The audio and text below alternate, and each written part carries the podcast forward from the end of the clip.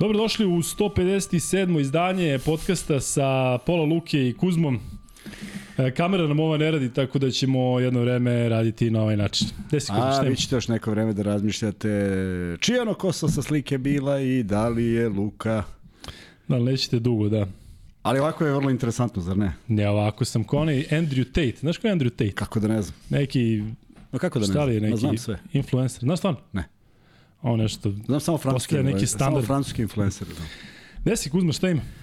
Evo, došao, stigo jedva, zato što je konferencija za štampu potrajala i ovaj i uživo još jednoj utakmici, zaista mislim da je bilo dobro, kogod je gledao, mislim da je uživao. Ja nisam uživao s obzirom na to da je Žalgiris e, pobedio, da. pobedio Baskoniju, prenosio sam taj meč, pa nisam stigao da gledam. Da, Makabi. Ove, ovaj, sve mi se skupi. Opa! Ove, ovaj, da. Da, da, to je to, dragi gledalci. Kažu da mi oči sad dolaze da izgledaju. Sedi moram ovako da gledam. Šta sedi sad, ko da kontroliraš kolica. A? Tako. Opusti se sad. A zamislite kako ovo izgleda bez slušalice. Zamislite to. Miksa, podiviš malo da, da ovo vidi ovo. Ko Pero Antić, samo plavi. Šta ćemo da radimo, Kuzmo? Ćemo da, da nastavimo da radimo ili da prekidamo? Ja sam šoku, viš da ne mogu da pričam. Da, nisi mi verovao da će ovo. Znaš kako si mislio da ja ovaj svoju, svoju reč... Stvarno ovaj... nisam, ne da nisam verovao, nego rekao, aj nešto možda tu, nemam pojma šta si pričao, možda sam mislio da ako ne bude prvi, pa ovaj. Ali ti si baš ako bude prvi. To sam shvatio danas kad su ljudi masovno počeli da pišu. da, da, da, da. Mislio sam da će zaboraviti, međutim nisu. Ne da nisu, nego pišu ko blesaju. Ne, šalu stranu ovaj, i frizura na stranu. E, Pokušaj na Stvarno se nadamo da će biti um, da će biti... Da će uroditi plodom ovo tvoje šišanje. Da, mislim da će doći do Mareja i Portera, da ono kad su rekli sad kad smo ovo, moramo i ovo. Ove, ali vi ne, znam, ne možete veriti kako ovo izgleda. Znači, moj fru, frizer Dule nije mogla ruka sama, kaže, brate, ja ne mogu ovo. Još ja imam gustu kosu, kaže, brate, ti možeš toliko stvari da radiš sa svojom glavom, a ne ovo. Ali, kada može Jordan ceo život i kada može Sala Đorđević pola života, izdrću ja jedno koliko pa, znaš kako, dana. znaš kako, ima jedna fantastična slika Sale Obradović, Sale Đorđević i Neša Ilić u svojim najboljim izdanjima bez kose. I kaže, dobro sa Gajić, novi imidž naših reprezentativaca. E sad tu malo, malo je izostao taj imidž. Ajmo, ajmo drugi kao, ajmo neki stari. Aj nemoj novi. Tako da ovaj, ti nisi u tom problemu, ali evo sada Da vide ljudi kako to izgleda. Ne, pazi, mnogo dobrih fora ima. Kaže, Luka Kanta frizura.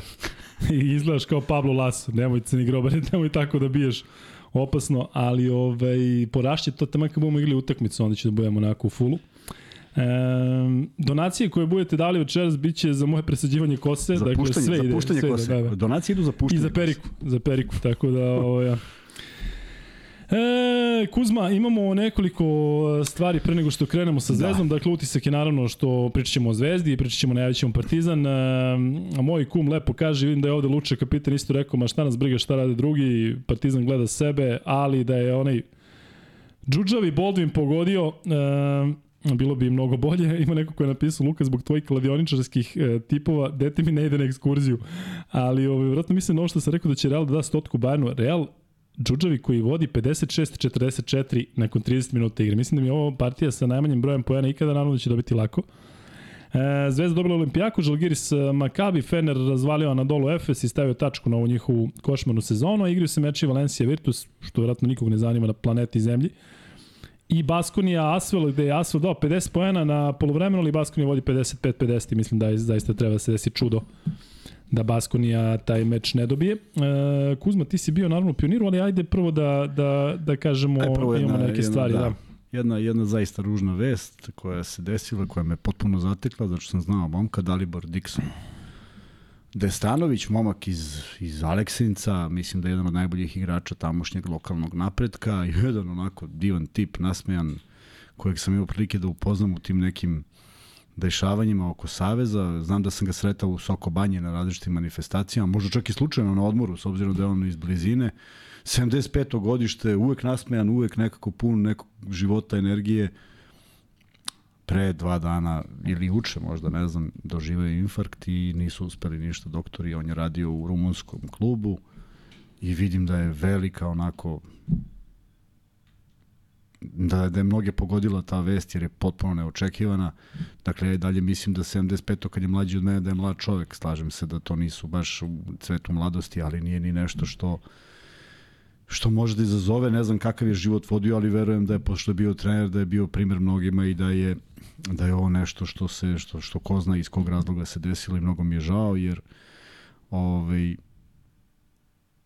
znam koliko je bio posvećen košarci i koliko je ostavio tog nekog traga u lokalu kao jedan od igrača koji, ja ne znam da li napuštao napredak, ali u Rumuniji našao svoje mesto, bio priznat, e, dugi niz godina radio i eto gledam mnoge trenere koje, smo, koje znamo zajedno i bivše igrače da mu odaju e, posljednju počasti. Kažem, baš me pogodila vest jer nekako onda shvatiš koliko sve to ovo što pričamo i, i, i radimo i ove mahom negativne ovaj, konotacije neke, e, koliko nemaju smisla, koliko, koliko je život kratak i baš zbog toga je to neka poruka da u ovakvim stvarima kojima smo pristovali večeras, imamo privilegiju da pristujemo tim nekim košarkaškim, uopšte u životu, da da malo drugačije gledamo i da se malo veselimo više i da gledamo neke pozitivne stvari, jer, jer uh, mnogo je ružnih oko nas, samo ne želimo da ih vidimo. Ovako jedno izleti pa te pogodi i, i prosto ostanemo onako, znaš, razmišljam šta bi rekao, nemam baš mnogo, jer jedan, jedan čovek kojeg, eto, još jedan u nizu kojeg sam znao, na ovaj više nije sa nama i mogu zamislim kako je njegovi porodici i, i ljudima oko njega, tako da nažalost time to je to je obeležilo ovih poslednjih nekoliko dana van van košarke. Mnogo smo ljudi ispratili što Strašno, privatno da. i ovako za ovih nepunih godinu i po dana koliko traje podcast i zaista onda tek što ti kažeš shvatiš koliko su neke pa stvari pa da. kojima se i mi bavimo generalno kao ljudi i posebno ta neka e, imaginarna averzija jednih prema drugima da, neki stvari problemi, nema smisla. Nešto, da. koliko nema smisla, umesto da uživamo u tim nekim momentima, se družimo kao što, što ljudi zaista doživljavaju ovaj podcast. Ja ću posle podeliti tu jednu sliku, momak se pojavio ovaj, u, Luka i Kuzma majici, ja ne znam koliko ga ljudi videlo. Taj momak je najpopularniji bio. Ja sam da. dobio 20 slika, mogu misliti pa, koliko da, si ti. Da, dakle, da, znači samo stižu slike. Hoćemo momku da damo, dakle, momak koji je bio večeras... E... On je meni, ma, pazi, desilo se sledeće. Dečko mi piše, nek mi ne, zame, ne zamere za imena, potražit ću posle. Dečko mi piše, dok sam držao, dok sam radio studio i moja slika i kaže javi se Kuzma.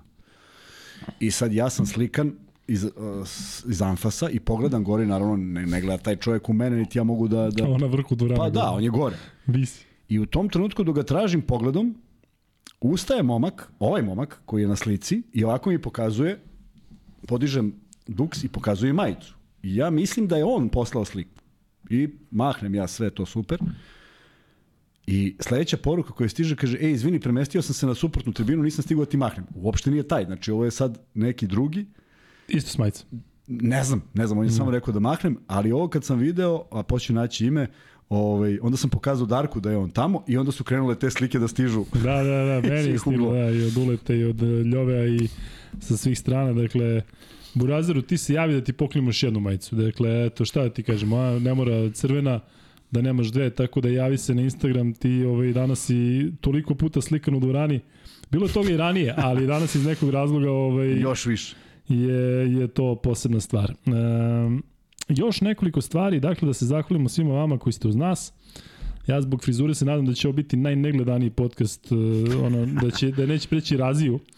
Ali e, šal na stranu, free bet, e, free betovi će biti kao i obično, znate za ono pravilo kad dođemo do 500 lajka, dakle plan je prilično jednostavan, pričat ćemo o Zvezdi, zatim najaviti Partizan i za kraj ćemo pričati o NBA ligi i svemu što se tamo dešava, dešava se svašta. Miksa, ti si raspoložen kao i uvek, Sport klub prošao u finalu, na Final Four, ja mislim da sad ono jedno Kuzmi Unat tri čuke da pričamo o NBA ligi. O svakom timu, pričamo o, timovima, po... o timovima koji nisu prošli u play-off, sad pričamo kako bi mogli naša rekonstrukcija za sledeću sezonu. Ovaj, tako da u svakom slučaju biće zanimljivo i, i ovo pita Deki Savić, Luka šta bi sa glavom čoveče? Pa kao moj burazir, ne znam šta ti kažem, vidiš sve i sam, ali ovaj, dobio sam, uh, sad me ovde, ovde ne možda daš koliko fora ima, dakle, Luka Heisenberg, Luka Breaking Bad, uh, Ma, kažem ti, toliko toga ima da ne možeš da veruješ. Za momka iz pekare i za sve koji pitaju, uh, pričat će Kuzma o Holandu, ne brinite ništa, posebno ćemo se zadržati na njemu kada budemo pričali o igračima.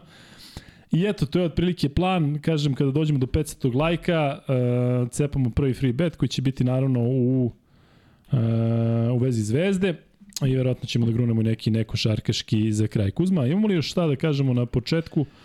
Nešto, šta, poslao nam je momak tekst, je tako, koji, smo, koji si objavio, čuj smo, Ali ga reći? A, Marko Čović, da. Da, možete da pročitati taj tekst na Na našem blogu. na lukikuzma.rs, ja da. dakle, ka, rekli smo vam, pišemo mi tamo o podcastu, pisat ćemo sigurno kasnije i o svemu i o svačemu. Marko Čović napisao lep tekst, ovaj, objavili smo to na blogu, zove se Vaš ugao.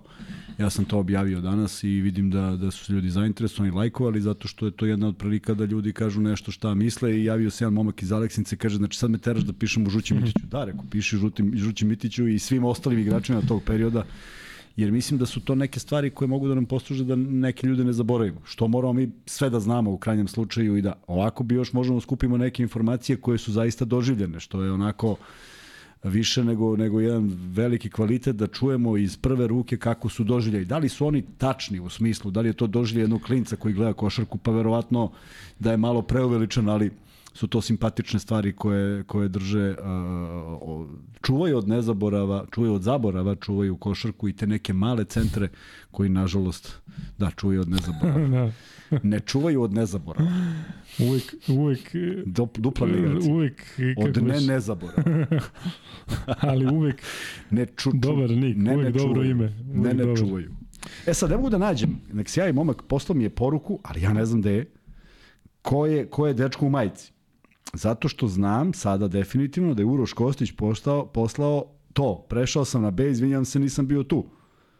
Znači, Uroš Kostić je poslao da mi mahne, poslao je sliku. Mene. Sa Darkom kako pričam. Ja pogledam i vidim ovog drugog momka i ja ne znam gde on sad nestao. To se dešava u dvorani uvek, ili tako da, da, da, mašiš, da, da, uvek, ono kad smo bili uvek na ljudi, Srbiji. Tako je, pa da. Uvek smo mahali, tako da... E, ovo što smo uveli sa tim blogom i sa tim tekstom gde možete vi da pišete to je u stvari način gde možemo vama da damo priliku da svi vide kako lepo e, vidite košarku, zato što ovde na četu koliko vidim dobrih poruka i kad god mi nešto propustimo ili zaboravimo ili nešto pogrešno kažemo, uvek nas ispravite i kažem zaista je Milina sa vama pričati o košaci, eto to je još jedan način da da ovaj da se povežemo. Luka, šta ćeš da uradiš ako Denver uzme titulu? Burazir iskreno ti kažem da još, slavim. Još kraće. Iskreno ti kažem da da ovaj A, Nikola Radišić. Nikola Radišić je momak yes, sam. Izvini što te prekinuo. Niđo, e. javi se Niđo, da dobiš još jednu da. majicu pa da imaš da menjaš. Um, pohvalio si Miće Berić u nekom podcastu. Jesi si čuo za to? Javlja? Mislim da je bio kod Ace Stojanovića. Da. Samo što Aca ne može da zapamti kako se zove. Ne može? Mm. Ili neće? Ne može. Dva Šta puta kaže? već govori sa Vladom i Kuzmom. Sa Vladom i Kuzmom? To je znači nešto proti mene. 100% pa nema. Nisam treba ti javljam ranije. Sa Vladom Bolje i Kuzmom. Bolje ovako uživo da, da pobesniš. e sad u inat idemo... Uh, e, nećemo da, pozdravimo da, Miću Berića, namerno. Kuzma, koliko nam fali do 20.000? Mm. Dajte ljudi dođemo do 20.000, dakle... To je idealno pitanje za, za večeras. Pa ja imam ta idealna pitanja nekako. Ej, kakva pitanja imaš? ne, ne znam što si tu. Idealno sam, pitanja imaš? sa frizurom ovom, ono. 110. Šta 110? Pa je još ostalo. Kako bre bilo 200 pre dva dana? Pa jeste, išlo, išlo, Mislim išlo, da ovo, išlo ovo, ovo, sada idemo sve na, na, ovaj, na, na silu, ovo su ja, svoji ne znam, ovo su sad već tetke i babe. da, da. Luka, šta ćeš da uradiš kada Partizan uzme titulu u Euroligi? Ovo je burazir moj. Tad će biti cirkanje u lajvu do patosa, dakle, o, dok, dok se ne, ne To ne znači 15 minuta trajemo do patosa. Da, da. Do Lukinog next, patosa je 15 minuta. da, Kuzma zna, Kuzma zna. Kad me napija kako to izgleda. E, ništa drugari, dakle ajde zajedno da dođemo do 20.000 tog e, subscribera, da dođemo do 500 lajka, da ispucamo prvi free bet i da peglamo redom. Kuzma, e, da krenemo mi od Zvezde. Bilo nekih još stvari koje su se dešavale koje bi rekao ovaj mimo mimo ovog redovnog A, nisu, nisu. Ta ružna tebe koja na poslu, se desila, sve okay, da, ako mene na poslu fantazija, to samo zovu. Podelio sam četiri vizit karte već. Dve si dao meni. Dve tebi, dve miksi. Dve u pekari. dve sam zalepio za šofer šajbno, otkupio naš auto, javite se kom treba nešto za medicinsku opremu. Dakle, Medi Pro Service je usluga šta god vam se popravi, Kuzma dolazi i pritom vam priča o zvezdi. I deli Luka i Kuzma stvari i ako ima neki kardiogram usput Proverim, da pre, proverim. Da, da. Znači sve radimo. Poklanja majice, radim radim EKG. Kuzma vam kaže kako mu srce radi bez EKG-a, toliko se izveštio. E, ali znaš kako radim? Pa to za 5 minuta gotovo. Kidanje, to traje inače pola sata, ali ja 5 minuta.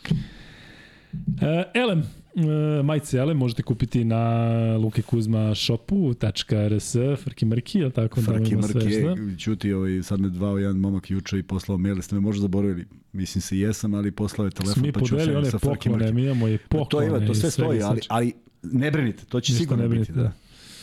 Pa evo, Ovaj, evo, pogledaj sad ovo, gledaj. Mislim, samo današnji dan. Završio sam negde oko dva, dok, sam, dok smo došli da klopamo, bilo je tri, je, ručali pola četiri, studio je bio u pola šest, u pet i deset sam izašao i, i samo sam svratio kuće da promenim ovu majicu i došao i vratit ću se u jedan. I stvarno nije Ko ti kaže da će se vratiš u jedan? Kad krenemo mi da pričamo Pa, o jedan Toronto jedan Raptorsima, brate, ono, Toronto, druga, backup, backup ekipa Toronto Raptors. Pričao Minnesota. Raptors 905. I šansa E, Minnesota, ako ih imaju. Gde nemaju. Uroš kaže, Kuzma, ja sam pokrenuo to, za mene je majica. Omer Gabriel Batistuta donira i kaže Luka Mr. Proper. Da, ovde ima toliko sada zezanja kogod je ćelav, dakle ja mislim da su ga uporali sa mnom i kaže ako mrtvi Asfel pobedi, ja se solidarišem sa Lukom i on na ćelav. E, Asvel gubi 9, sad gubi 12. Vjerojatno kako se to menja. U, u sekundi. Gubi, a? Gubi, da. E, pričat ćemo naravno i o mečima koji se igraju sutra sa akcentom na Partizanu, tako da sve u svemu jedan onako prilično sadržajan podcast, ali sa ovim redovnim stvarima, Zvezda, Partizan i NBA, nema tu šta još mnogo da se kaže. Kuzma, prvi utisci sa Zvezde su kakvi? Prvi utisci sa Zvezde su da ja stvarno volim da gledam ovo kampaca i energiju koju donosi i sve sam više ubeđen da je jedan od, ne mogu kažem najboljih, naravno. Najboljih svih vremena. Ne, ne, jedan od najboljih stranaca koji su došli zaista, e, zato što, zato što sam to već napomenuo, mene je fasciniralo dok je igrao u Realu, ne da li on da koš ili ovo ono, nego me je fasciniralo taj stav. Najnižeg na terenu, ubedljivo najnižeg na terenu koji nije dozvoljavao, ima takav neki mentalni sklop, ne dozvoljava da bude pobeđen, ne dozvoljava da ga neko sada. Danas je ispao iz odbrane jednom doslovce. Jednom i to se videlo, to, to, to, to kako je uradio taj potez, video si da kasnije i znao si da je ispao. oči, ja. Da, odmah je ubolo, tačno, odmah smo, Darko je istog sekunda izgovorio kako je doskočio na zemlju, ispao iz odbrane i Voka potišao i dao koš. Ali to je jednom. Vokap odšetao i dao koš. O, o, Voka od Vokira. I dao koš i, i stvarno, stvarno mislim da svako ko je bio na utakmici je mogao da uživa. Zaista. Uopšte ne pričamo o obojenosti, ne pričamo o subjektivnosti, pričamo o tome kakva je utakmica bila. Prvih 10 minuta je možda najlepše košarke koja se igrala u Pioniru, zato što je, ko, ko želi da pogleda može, zato što je napad Olimpijakosa bio besprekoran. Dakle, oni sve što su zamislili, svaka lopta je došla tačno na ono mesto na koje treba da ne možeš da stigneš, ni da napraviš faul, ni da rotiraš bolje, jednostavno uradili su sve. I pretilo je da izgleda prilično kilavo i klimavo, što se zvezde tiče, jer jednostavno ja mislim da su u 12 napada za redom možda imali jedan promašaj. Međutim, druga četvrtina donosi potpunu promenu, a onda drugo polovreme i 32 poena Olimpijakosa koji drži rekord neki ove sezone, ako se ja dobro sećam, ti to mnogo bolje znaš, neki 114 ubačnih poena. Ovaj, da se svedu na 32 poena, zaista je bilo impresivno. Hasan Martin, koji je dobio jedan super nadima kad je zakucao između dva igrača, kad je Darko viknuo Air Hasan, fenomenalno je zazvučalo i ljudi se već naravno sprdaju s tim ovaj, u pozitivnom smislu, jer mislim da je odigrao fenomenalnu utakmicu, ima četiri poena, na primjer četiri skoka i četiri ukradene lopte, što je neki izbir indeks, on je bio u trećoj četvrtini najdominantniji od svih igrača. Tako da mi je drago da, da je Zvezda u jednom dobrom ritmu, da je prevazišla to razmišljanje, pa šta sad ispali su, nisu ispali, jesu, ima šanse, nema šanse, definitivno nije bilo šanse ni prošlo kolo, osim neke toliko teoretske da ne znam da li i vredi da ih spomenemo, pa mislim da ih nije ni bilo, nego je neko to spomenuo usput. U svakom slučaju, e, četiri pobede u nizu, peta u najavi, u smislu da može da se očekuje kvalitetna utakmica i mislim da je to jedna fenomenalna stvar za Crvenu zvezdu, zato što koliko god posmatrali sezonu, moramo da znamo jednu stvar, da Duško Ivanović ima 15-11. 15-11 je respektabilan rezultat u bilo kom momentu u sezoni. Dakle, da je prvih 26 utakmice da imaš 15-11 je već samo po sebi dobro i u ovom delu sezone jeste, zato što je ispušteno dosta toga na početku, a onda su ispušteni neke stvari, zato što je do pada u ekipi moglo da dođe i ja bih volio da se tom analizom pa- bavi neko iz Zvezde, ne mi, zato što nemamo sve informacije, a nemamo ni objašnjenja, a mislim da i da ga ne, ne možemo ni naći kako su se desile taj niz utakmica koji je potpuno neobjašnjiv i to je razlog, ta jedna je samo razlog što Zvezda ovom utakmicom nije korak od top 8. Ne nužno da se kvalifikuje. Ali Nego da, da, ali da ta poslije utakmica da se pravi kalkulacije i da gledaš tamo i sve. To je ono što sam ti ja rekao pred početka pa ne bih volao da posljednjih nekoliko utakmica Zvezde bude ovakvih da se igra za, e, ej, do, za šta god. Tako, i odlično što se ne igra, oni cepaju svoju priču i meni je drago što, su, što, što je Olimpijakos jedina ekipa koja je poražena dva puta od Zvezde. Dakle, to je neki uspeh koji stalno govorim i ponavljao sam milion puta za uspeh u Euroligi, za top 8 potrebno su ti direktne pobede protiv direktnih konkurenata. Ne da pobeđuješ ti tamo prva četiri, nego da pobeđuješ ove, ove oko sebe. Ako to ne pobediš, te pobede ne znače ništa i nažalost ove dve Olimpijakosove. Evo, dve Olimpijakosove bih menjao za jednu protiv Žalgirisa hm. i jednu protiv Efesa, na primjer. Pošto je on tu negde u konkurenciji. I Zvezda je tu u osam sa jednom pobedom, jer si ove vratio jednu pobedu. Da. I sad ti dolazi od utakmica koje odlučuje. Eto, to su neke matematike koje... Ili Baskoniju da pobediš još jednom, ajde pobedili su jednom, pa ajde ne preterujem da bude dva puta. U svakom slučaju, Uh, lepa atmosfera, puna dvorana, uh, ne svaki Dobro uvertira za to da i, i protiv tako, Fenera bude krcato i da je, se odjavi Euroliga na taj način. Pogotovo što je ovde bila jedna potpuno čudna atmosfera. Dakle, izašli su igrači Olimpijakosa, svi su se veselili, onda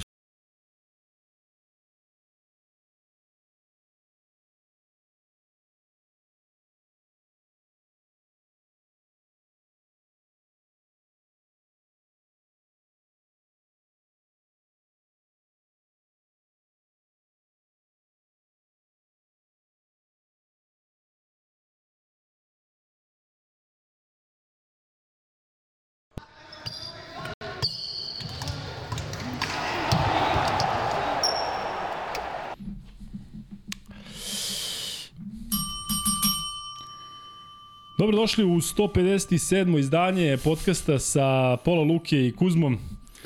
E, kamera nam ova ne radi, tako da ćemo jedno vreme raditi na ovaj način. Gde si A, vi ćete još neko vreme da razmišljate čija ono kosa sa slike bila i da li je Luka... Da, li nećete dugo, da. Ali ovako je vrlo interesantno, zar ne? Ne, ovako sam ko onaj Andrew Tate. Znaš ko je Andrew Tate? Kako da ne znam. Neki... Ma kako da ne znam? Neki Ma znam sve. influencer. Znaš stvarno? Ne. Ovo nešto... Znam samo francuski, neki standard. samo francuski influencer. Da. Gde si Kuzma, šta ima? Evo, došao, stigo jedva, zato što je konferencija za štampu potrajala i ovaj I uživo još jednoj utakmici, zaista mislim da je bilo dobro, kogod je gledao, mislim da je uživao. Ja nisam uživao s obzirom na to da je Žalgiris e, pobedio, da. pobedio Baskoniju, prenosio sam taj meč, pa nisam stigao da gledam. Da, Makabi. Ove, ovaj, sve mi se skupi. Opa! Ove, ovaj, da. Da, da, to je to, dragi gledalci. Kažu da mi oči sad dolaze da izgledaju. Sad moram ovako da gledam. Sad, kao, sad, kod da kontroliraš kolica. A? Tako. Opusti se sad. A zamislite kako ovo izgleda bez slušalice. Zamislite to. Miksa, podigneš malo da, da ovo vidi ovaj. Ko Pero Antić, samo plavi. Šta ćemo da radimo, Kuzmo? Ćemo da, da nastavimo da radimo ili da prekidamo? Ja sam dalje u šoku, viš da ne mogu da pričam. Da, nisi mi verovao da će ovo. Znaš kako si mislio da ja ovaj svoju, svoju reč... Stvarno ovaj... nisam, ne da nisam verovao, nego rekao, aj nešto možda tu, nemam pojma šta si pričao, možda sam mislio da ako ne bude prvi, pa ovaj. Ali ti si baš ako bude prvi. To sam shvatio danas kad su ljudi masovno počeli da pišu. da, da, da, da, mislio sam da će zaboraviti, međutim nisu. Ne da nisu, nego pišu ko blesaju. Ne, šalu stranu ovaj, i frizura na stranu, E, Pokušaj na Stvarno se nadamo da će biti um, da će biti da će uroditi plodom ovo tvoje šišanje. Da, mislim da će doći do Mareja i Portera da ono kad su rekli sad kad smo moramo i ovo. Ove, ali vi ne, znam, ne možete veriti kako ovo izgleda. Znači, moj fru, frizer Dule nije mogla ruka sama, kaže, brate, ja ne mogu ovo. Još ja imam gustu kosu, kaže, brate, ti možeš toliko stvari da radiš sa svojom glavom, a ne ovo. Ali, kada može Jordan ceo život i kada može Sala Đorđević pola života, izdrću ja jedno koliko pa, znaš kako, dana. Znaš kako, ima jedna fantastična slika Sale Obradović, Sale Đorđević i Neša Ilić u svojim najboljim izdanjima bez kose. I kaže, dobro sa Gajić, novi imidž naših reprezentativaca. E sad tu malo, malo je izostao taj imidž. Ajmo, ajmo drugi, kao, ajmo neki stari. Aj nemoj novi. Tako da ovaj, ti nisi u tom problemu, ali evo sada da vide ljudi kako to izgleda. Ne, pazi, mnogo dobrih fora ima. Kaže, Luka Kanta frizura. I izgledaš kao Pablo Laso. Nemoj crni grobar, nemoj tako da biješ opasno, ali ovaj, porašće to tamo kad budemo igli utakmicu, onda će da budemo onako u fulu. E, donacije koje budete dali večeras biće za moje presađivanje kose, za dakle puštanje, sve za ide. puštanje sve kose. Ide, da, da. Donacije idu za puštanje I za periku, za periku, tako da ovaj, E, Kuzma, imamo nekoliko stvari pre nego što krenemo sa Zvezdom. Da. Dakle, utisak je naravno što pričat ćemo o Zvezdi, pričat ćemo, najavit Partizan. E, a moj kum lepo kaže, vidim da je ovde Luče kapitan isto rekao, ma šta nas briga šta rade drugi, Partizan gleda sebe, ali da je onaj Džuđavi Boldvin pogodio, e, bilo bi mnogo bolje. Ima neko ko je napisao, Luka, zbog tvojih kladioničarskih e, tipova, dete mi ne ide na ekskurziju. Ali, ovaj, vratno mislim na ovo što sam rekao da će Real da da stotku Bayernu. Real Džuđavi koji vodi 56-44 nakon 30 minuta igre. Mislim da mi je ovo partija sa najmanjim brojem pojena ikada, naravno da će dobiti lako. E, Zvezda dobila Olimpijaku, Žalgiris Makabi, Fener razvalio Anadolu Efes i stavio tačku na ovu njihovu košmarnu sezonu, a igraju se meči Valencija Virtus, što vjerojatno nikog ne zanima na planeti Zemlji. I Baskonija Asvel, gde je Asvel dao 50 pojena na polovremenu, ali Baskonija vodi 55-50 mislim da je, zaista treba da se desi čudo da Baskonija taj meč ne dobije. E, Kuzma, ti si bio naravno pioniru, ali ajde prvo da, da, da kažemo, Aj, prvo jedna, imamo neke jedna, stvari. Da. da. Jedna, jedna zaista ružna vest koja se desila, koja me potpuno zatekla, zato što sam znao momka Dalibor Dixon. Destanović, momak iz, iz Aleksinca, mislim da je jedan od najboljih igrača tamošnjeg lokalnog napretka, jedan onako divan tip, nasmejan, kojeg sam imao prilike da upoznam u tim nekim dešavanjima oko Saveza. Znam da sam ga sretao u Soko Banje na različitim manifestacijama, možda čak i slučajno na odmoru, s obzirom da je on iz blizine. 75. godište, uvek nasmejan, uvek nekako pun nekog života, energije. Pre dva dana, ili uče možda, ne znam, doživeo infarkt i nisu uspeli ništa doktori. On je radio u rumunskom klubu i vidim da je velika onako da, da je mnoge pogodila ta vest jer je potpuno neočekivana. Dakle, ja i dalje mislim da 75. kad je mlađi od mene da je mlad čovek. Slažem se da to nisu baš u cvetu mladosti, ali nije ni nešto što što može da izazove, ne znam kakav je život vodio, ali verujem da je pošto je bio trener, da je bio primer mnogima i da je da je ovo nešto što se što što ko zna iz kog razloga se desilo i mnogo mi je žao jer ovaj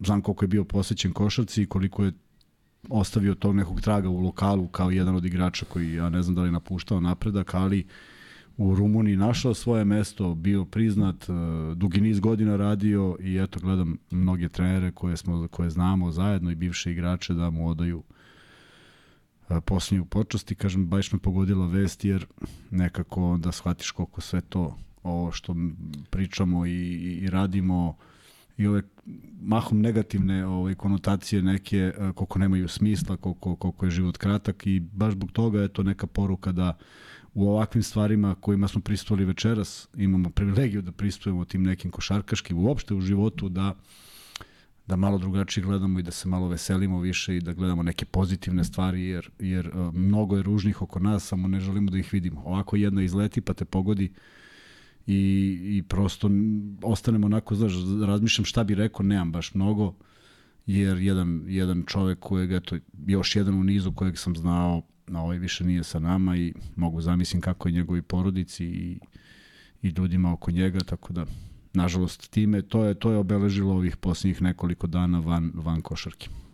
Mnogo smo ljudi ispratili što Strašno, privatno da. i ovako za ovih nepunih godinu i po dana koliko traje podcast i zaista onda tek što ti kažeš shvatiš koliko su neke pa stvari da. kojima se i mi bavimo generalno kao ljudi i posebno ta neka uh, imaginarna averzija jednih prema drugima da, neki stvari problemi, nema smisla. Nešto, da. koliko nema smisla, umesto da uživamo u tim nekim momentima, se družimo kao što, što ljudi zaista doživljavaju ovaj podcast. Ja ću posle podeliti tu jednu sliku, momak se pojavio uh, ovaj, u, Luka i Kuzma majici, ja ne znam koliko ga ljudi videlo. Taj momak je najpopularniji bio, ja sam da. dobio 20 slika, mogu misliti pa koliko da, si ti. Da, dakle, da, znači samo stižu slike. Hoćemo momku da damo, dakle momak koji je bio večeras... E...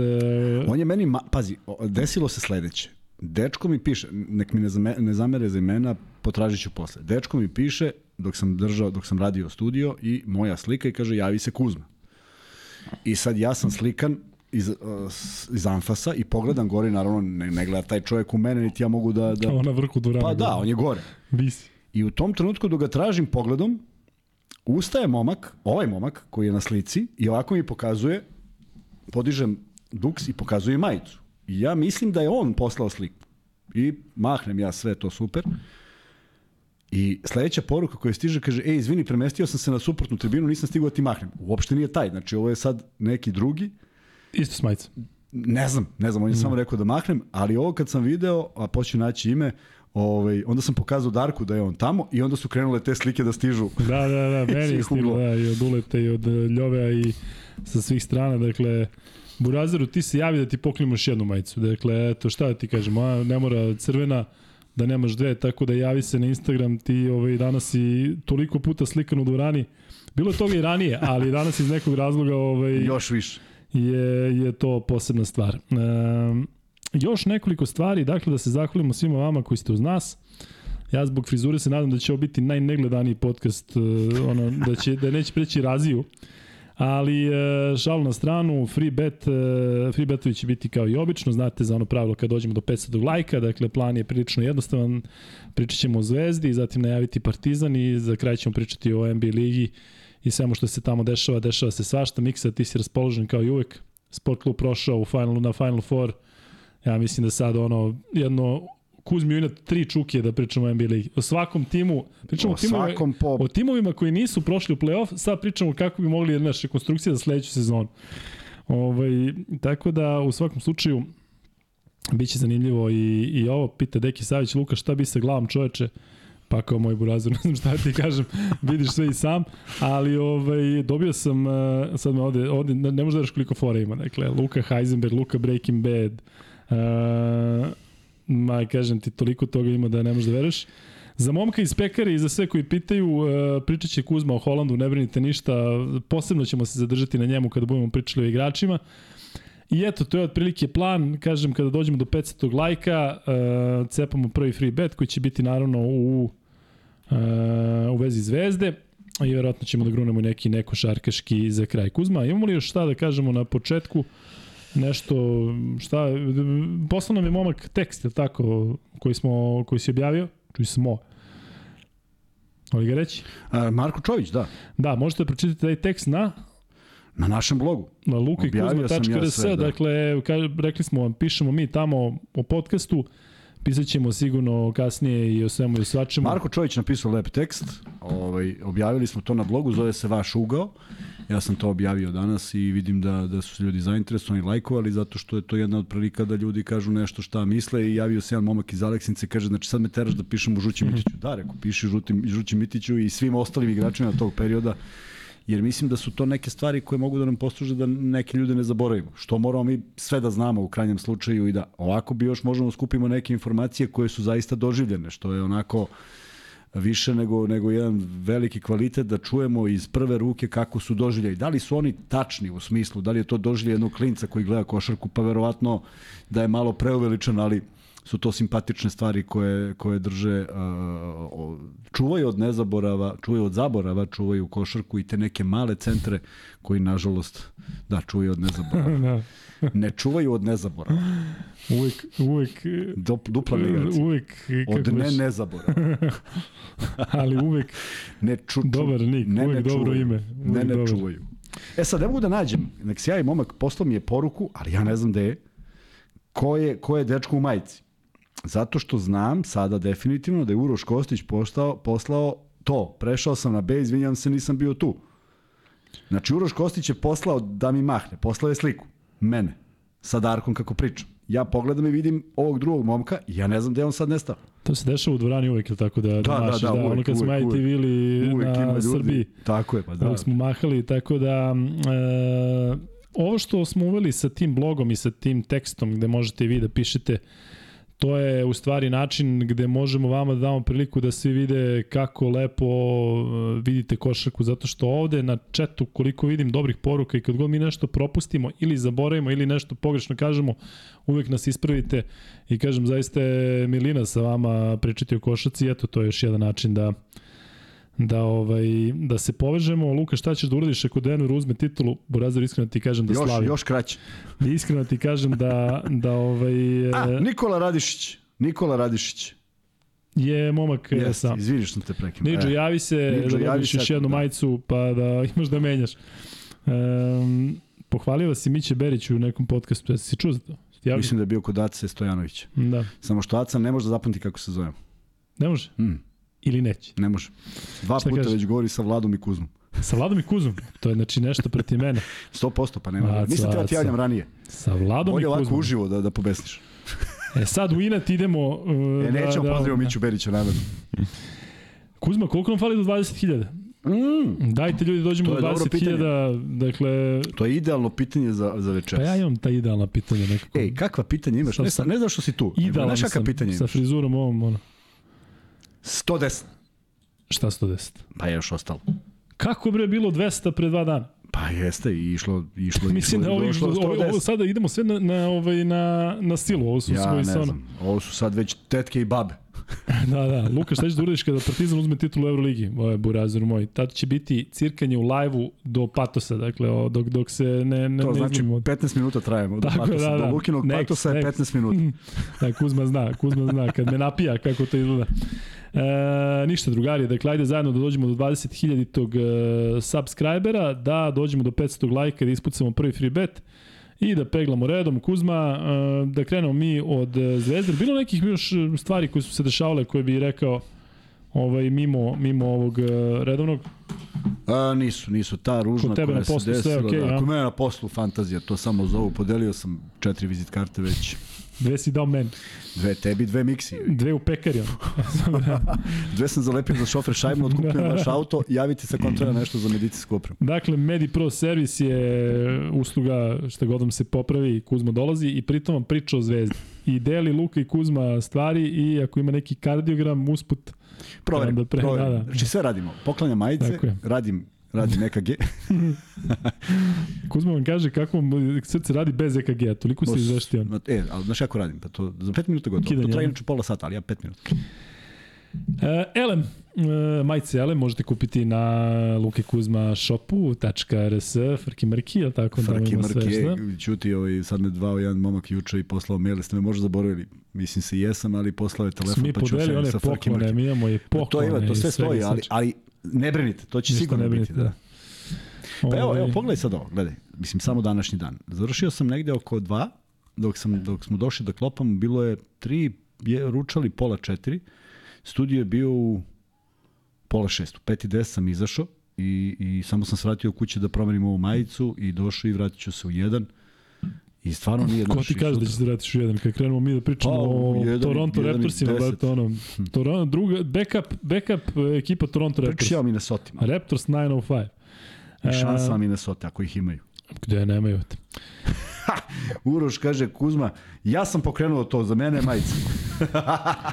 Omar Gabriel Batistuta donira i kaže Luka Mr. Proper. Da, ovde ima toliko sada zezanja kogod je ćelav, dakle ja mislim da su ga porali sa mnom i kaže ako mrtvi Asfel pobedi, ja se solidarišem sa Lukom i on na ćelav. E, Asfel gubi 9, sad gubi 12. Vjerojatno kako se to menja.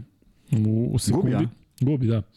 E, pričat ćemo naravno i o mečima koji se igraju sutra sa akcentom na Partizanu, tako da sve u svemu jedan onako prilično sadržajan podcast, ali sa ovim redovnim stvarima, Zvezda, Partizan i NBA, nema tu šta još mnogo da se kaže. Kuzma, prvi utisci sa Zvezde su kakvi? Prvi utisci sa Zvezde su da ja stvarno volim da gledam ovo kampaca i energiju koju donosi i sve sam više ubeđen da je jedan od, ne mogu kažem najboljih, naravno. Najboljih svih vremena. Ne, ne, jedan od najboljih stranaca koji su došli zaista, e, zato što, zato što sam to već napomenuo, mene je fasciniralo dok igra u Realu, ne da li on da koš ili ovo ono, nego me je fasciniralo taj stav. Najnižan na terenu, ubedljivo najnižan na terenu. Uh, koji nije dozvoljavao, ima takav neki mentalni sklop, ne dozvoljava da bude pobeđen, ne dozvoljava da ga neko sada. Danas je ispao iz odbrane jednom doslovce. Jednom i to se videlo, to, to, to, to kako je uradio taj potez, video si da kasnije i znao si da je ispao. Oči, ja. Da, odmah je ubolo, tačno, odmah smo, Darko je istog sekunda izgovorio kako je doskočio na zemlju, ispao iz odbrane i Voka potišao i dao koš. Ali to je jednom. Vokap odšetao i dao koš. O, o, Vokap od Vokir.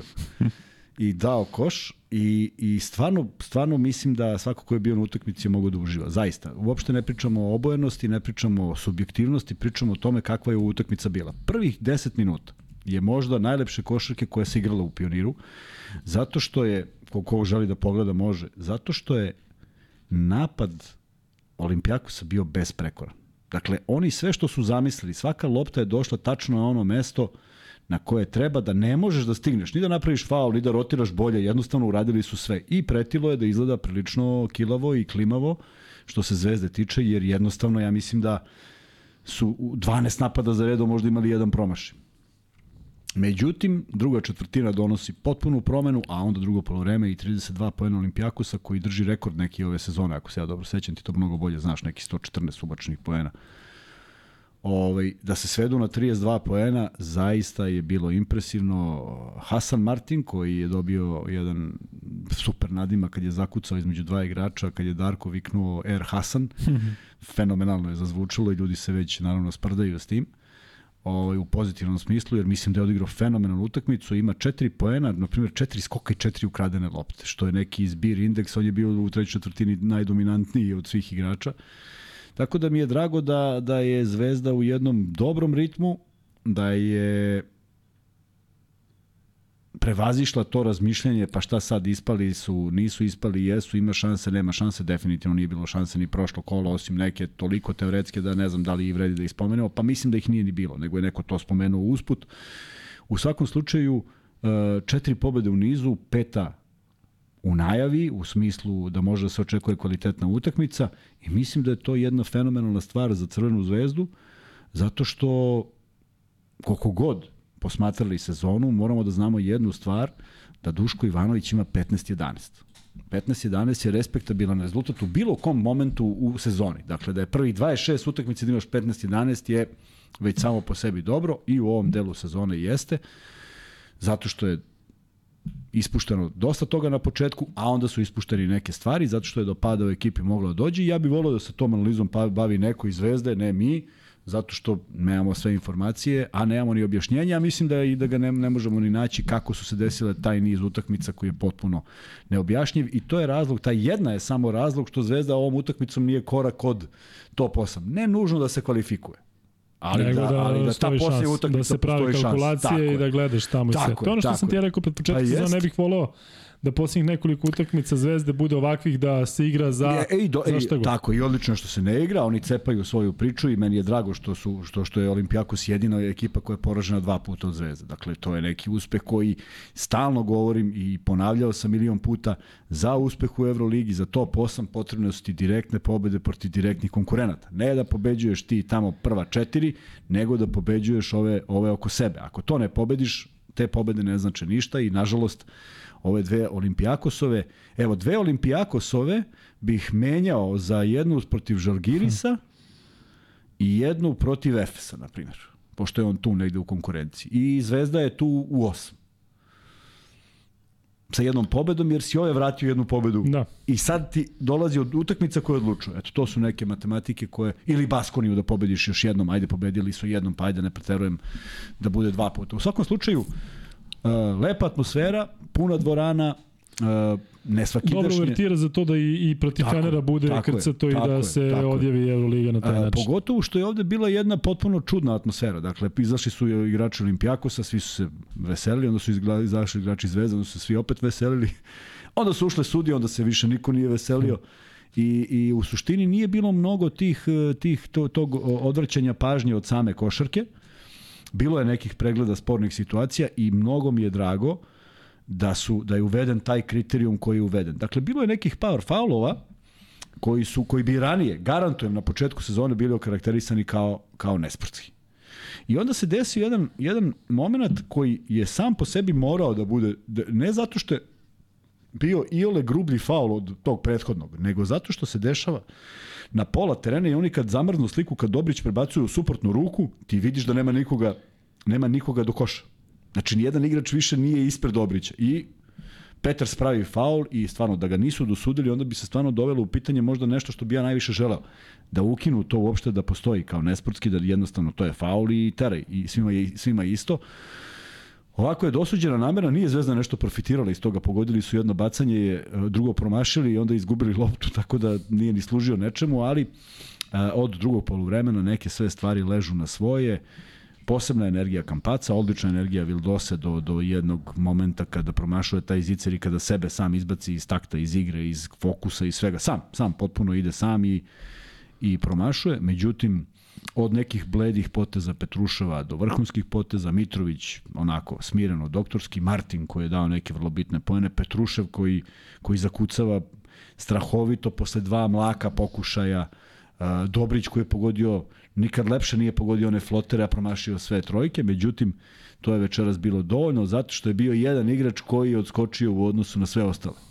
A to je Jonathan. A to je Stari moj omiljeni igrač, John Holland. A šta smo sve radili ovde? Vređali ga na jasnoj osnovi, Ali samo familiju. zato što smo hteli da bude bolje.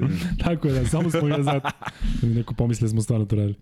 Um, Ne, za Crnog grobara, samo da kažem, Crnog grobara poruka da ćemo pričati o Efesu, iskreno nisam video šta se dešavalo, da, dešavalo ali pogledat ću. E, da kažem da se slažem sa Nikolom Simićem e, i da kažem Ivanu Jovanoviću da mi je žao što je prolazio ovaj buran period. Hvala tebi i veliki pozdrav i za tebe. Kuzma, imam dva pitanja u vezi Zvezde, mm, ali ne, ne tiču se samo utakmice. E, prvo, ajde, neko je ovde pitao kako to da sada igraju ovi rezervisti, ovi koji su otpisani, pa da li je moguće da Zvezda igra bolje sa njima, kada su dobili neku tu priliku malo da se razmašu igrači poput Martina, Bentila i Holanda, njihovu definitivnu utakmicu u posljednje vreme su posebne Tako je. U odnosu na ono ranije tako sezona. Tako, možda je leglo nešto, možda su oni provali šta treba da rade. I gledamo, gledamo Partizan godinu dana sa igračima koji su bili tu kako neki moraju da se uklope, da se uklope, pa se uklopi u nekom momentu. Dakle, i ovde, ovde je bilo još kraće vremena za Ivanovića da uklopi neke stvari i zaista kažem misterija da je Zvezda krenula pobedama kad je on došao. Ali aj sad da pričamo baš o njima. Vidi ovako, spomenuo sam Martina da može da bude X faktor na ovoj utakmici. Zašto? Zato što je on ukrao četiri lopte i ubeđen sam da on zna šta ovi ljudi rade jer je s njima trenirao godinu dana. To je sličan tim, nije tu bilo mnogo tako promena u odnosu na ono iz čega on došao u I on prosto je radio neke stvari koje je radio na treningu, kako je uzimao lopte, pa ako prođe, prođe da. i prošlo je. I, I zaista je bio vrlo bitan u, u tom defanzivnom delu jer on jedno 4-5 minuta koliko nisu dali koš, uopšte nijedan koš Olimpijakos nije dao, ja mislim da je on ili dve, tri lopte ukrao, ili dve, tri pres, čačno, ili negde neku bocno, ili neku negde dohvatio, ali strašno je bio u, u, u, ovaj, angažovan u odbrani. A, to je jedan. Holland koji je možda čekao da postoji neki ovakav igrač koji možda ga nađe uvek. Dakle, ona pa asistencija koju možda nisi video kada vraća loptu, zaista. Ja ovo što sam gledao, Holland je sve promašio, on ima tri promašaja kad sam ja gledao. Ne, ovo je bio moment, možda i ključni, gde, gde, znaš ono, kada valjda se sve nameste kockice i kaže šta god da baci, sada mora da uđe, jer bi bilo greota da, da ne uđe. Znači, Holand je izbacio loptu u kampacu, krenuo, povuko ih sve i iza glave, zvizno direktno u ruke, tamo odakle dobio loptu. I Kad si već tu, reci mi koliko Holandu znači na, na polju samopouzdanja to što vidim da mu igrači veruju. Recimo, Nedović mu je vraćao lopte na zagrevanje. Jeste, to da. što sam vidio. Dakle, on je očigledno momak koji je tu omiljen u smislu vidimo i kako se ponaša i sve. Verovatno to ne može da isprati igrački, ali eto, može u jednom ovakvom meču protiv najbolje ekipe u Evropi da bude najbolji. Dakle, možda i mi previše očekujemo, a možda, možda znaš. Možda, možda, možda nije bio na dobroj poziciji ne, ne mislim, ne može on da igra na petici, ni ne mislim to, da. ali prosto možda se neke stvari nisu poklopile, možda ga je neko dobro čuvao, možda ima hiljadu možda šta si radio u nekom momentu dok nisi pojednostavio igru i mislim da je u tome odgovor, zato što ako vratimo film, 2-2 uh, protiv koga, pa 1-1, pa na primjer sada 3-6-3. Znači, deluje mi da je ušao u taj ritam, ej, ne razmišljam, palim, sam sam, ali on je stvarno svaki put kad dobije loptu poprilično sam i siguran je u svoj šut. On je šutnuo jednu iz, iz, iz driblinga iz ćoška, pa je šutnuo još jednu iz driblinga, nije to njegova igra. Odmah se vidi da je drugačiji šut. Međutim, kad on dobije loptu i kad je digne, to deluje, e, to je trebalo ukomponovati. I sada neko kaže, vidi ga kako igra sada, šteta što nije, nije bila pozicija, nije bilo neko poverenje. U odbrani nije on ništa bolji. On je samo agresivniji da bi danas zaista Kenana uvatio Evansa. Zašto sam ga zvao Evans, nemam pojma. Kažu da ne možeš da ubodeš njegov... Da, ne, ne, ja Kenan, ja Evans, on Kenan. Ma ja mislim da se on zove Evans. a da, da ne zna, da mu je srednje ime Evans, znaš. A da ne zna. O, ili javnost ne zna da se on zove Kenan Evans. Junior. To se meni dešava, ja ovaj, nekog kad prekastim tako. E, uopšte mi nije jasno. Pa možda zbog ovog Kinana Evansa pa, koji je iz Žalgirisa, a ovaj ti Kenan, Kenan, Kenan i da, tu si aj, se Ja otišao na Evans, nije ni važno. U svakom slučaju, ovaj, ne znam, ne znam šta mi je bilo, ali nije to mnogo važno. Važno je da je on uspeo u dva puta u jedan na jedan da, otme, da, da iznudi faul napadu i još da otme dve lopte što iskreno da ti kažem, pošto ja nisam znao mnogo o njemu, osim ono, onog, onog, onog, one epizode iz Burse kada su igrali tu završnicu Evrokupa, ali sam mislio da je upravo to, da je on pitbull, kako je sam sebe nazivao, baš u odbrani. I da ima te brze ruke i video si kako su neke lopte ukradene večeras, na bam, bam, bam, nešto što, što, što, što više pri, pri, e, pristaje američkim igračima. Navikli su na tako nešto, nisu svirani faulovi, u Evropi je to dugo bio faul, pa se, pa se neko stvarno nikad nije ni bavio time, ali oni to rade i rade jako dobro i on radi posebno dobro, ali vidiš da izostao i taj deo. Nekako je uvek kasnije u odbrani, uvek se zaglavljivo u blok. Kažem, to su sve neke momenti koji treba da se, da se, da se prevaziđu, da se dađe dobar moment, da se dađe dobra pozicija u ekipi. I onda upali da on bude danas jedan od najefikasnijih igrača. 17 pojena je dao, Kampaco je dao 20, mislim da je još neko dao 17 i to je to. I mnogo je... Mi, mnogo on je je dao 17, Kampaco 20 i niko nema više od 12. Kako? Pet u Zvezdi. Pet igrača mora da ima dvocifreni. Da, da, niko nema više od 12. Dakle, 20, 17, 12, 12, 10. A, On 12, ima 17, ja mislim da. da je to 12, 17. Vildosa, Petruša 12, e, da je, aha, aha, dobro. Da, ovo sam znao, mislim da je Vildosa na, na, na, na, na 17. U svakom slučaju, e, pet igrača dvocifrenih, što je takođe nešto što, što se ne dešava često, u dobrim procentima. Prvi put da gledam statistiku da je samo jedna kategorija na strani protivnika, i to skokovi. Zato što stvarno jeste bio problem za Zvezdu i to je najveći problem tokom cele utakmice. Prosto ni jedna petorka se nije pogodila da je Zvezda dominirala, sem u toj trećoj četvrtini gde su te otpadke skupljali na neki način. Fal je predstavljao problem, Kuzmić nije bio loš na samom početku, međutim kako je on izašao i kako... E, Darko je primetio jednu dobru stvar, Petrušev igrao celo drugo polovreme. Ali pogledaj koliko je koliko su nedostajali neki razigrani igrači kada je Fal igrao skoro celo drugo poluvreme, što nije svojstveno, niti on može da izdrži taj tempo, niti on igrao za završnice utakmice. Meni je žao što Zvezda nije koristila faulove još bolje. Ej, to sam te čuo. Jedan da si... faul imaju i stalno neka trojka pada. trojku voka pa... Pa dakle, daj bre, tuci šta ima da nije bežiš. Bio nijedan. Nije bio, da, pa šta, da. od čega bežiš? Što pomaže ovaj? Znači, pa neki ako, i na Lukasu, tako, tako peti sekundi pa, Tako je, prodro, pa seti i presečeš ga i nema tog pasa. Ovako je stalno Zvezda davala tu neku, neku, neku nadu Olimpijakosu, a na semaforu stoji nula faulova. Faul nije igrač koji to rešava, jer on kad dobije loptu, to treba da svi skoče, da svi naprave faul, pa kome se svira i eto tako i šutirao. 50% slobodno bacanja koji mu je prosek, ne možeš tako da dobiješ utakmicu, a onda, a onda vrhunac ludila ona šabačka kontra iz milja, tako, tako smo je zvali, kada Kampaco polaže, ovaj, ovaj viče pritisak samo kao bez, bez, kako je rekao, bez faula odma, nego udvajanje, ovaj pup, i ode Kampaco Ali do kraja. kontra? Kaj je promašio? Da, da, 1-0. Ba, da, ba, dešava se. Dešava se. dešavalo? Uh, znaš da... Znaš, se dešavalo tako promaši za kucavanje ili da, da nešto? Ne, desilo mi se jednom tako baš da promaši. Baš se me tako izbačio, tako se vratila. Da. da. Zato, ali, ali stvarno onda poslušaš trenera, pa ideš na tablu i ne može bude ni rampa, jer ako pogodiš stotinku pre, to nije rampa, a ovaj da te stigne, pritom prati ga igrač koji mora da hvata korak. I nije bio, ne znam ko, mislim da je bio Papa Nikolau. I nije on loš u tome. Ali ako pobegneš na tablu, pa jedino ako sad stvarno o tablu promaši uvijek neko veća verovatnoća da će ući kad je lepo izbaciš.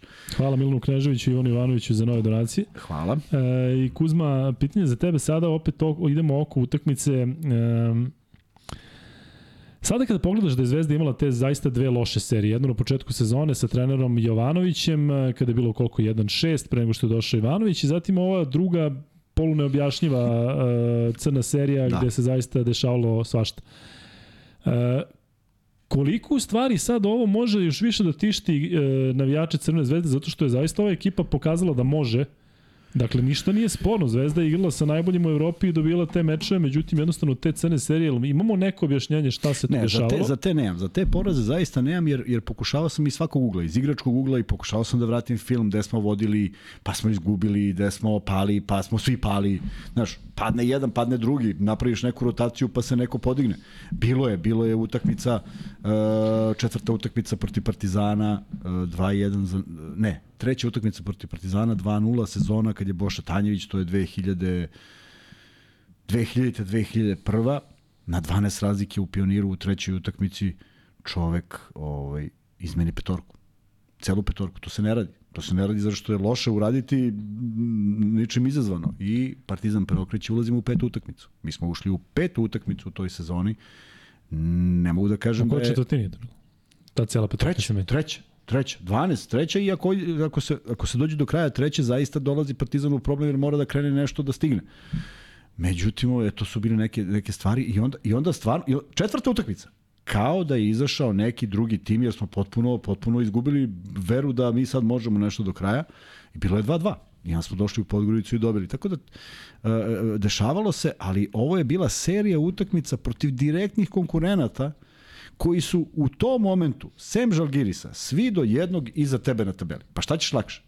Ajde ako kažeš da je Armani iza tebe, zato što je sticaj neverovatnih okolnosti da onakva ekipa bude na tom mestu, je tako? Ona je da, jedna. to je, da kažeš, onako neprirodna tako, pozicija njihova na tabeli. Jeste, neprirodna pozicija, oni su Ovo tu. ostalo je sve tamo gde im je mesto. I mogu ti ne leže, mogu ti ne leže po fizionomiji ekiper koji ima Fojtmana, koji Fokmana, Fochtmala, koji može da pogodi, možda, možda te to poremeti pa nemaš čime da pariraš. I kažeš, čekaj bre, ovde imaju ovoga, ovoga, ovoga, ovoga. Stvarno kad nabrojiš 10 igrača nije ti dobro. Još da su ona dvojica da. zdrava, nije ti još, još dobro. Dobro, i od Virtusa smo očekivali više. Od, iz te Jesmo, ekipe. ali oni su pobeđeni. Jeste.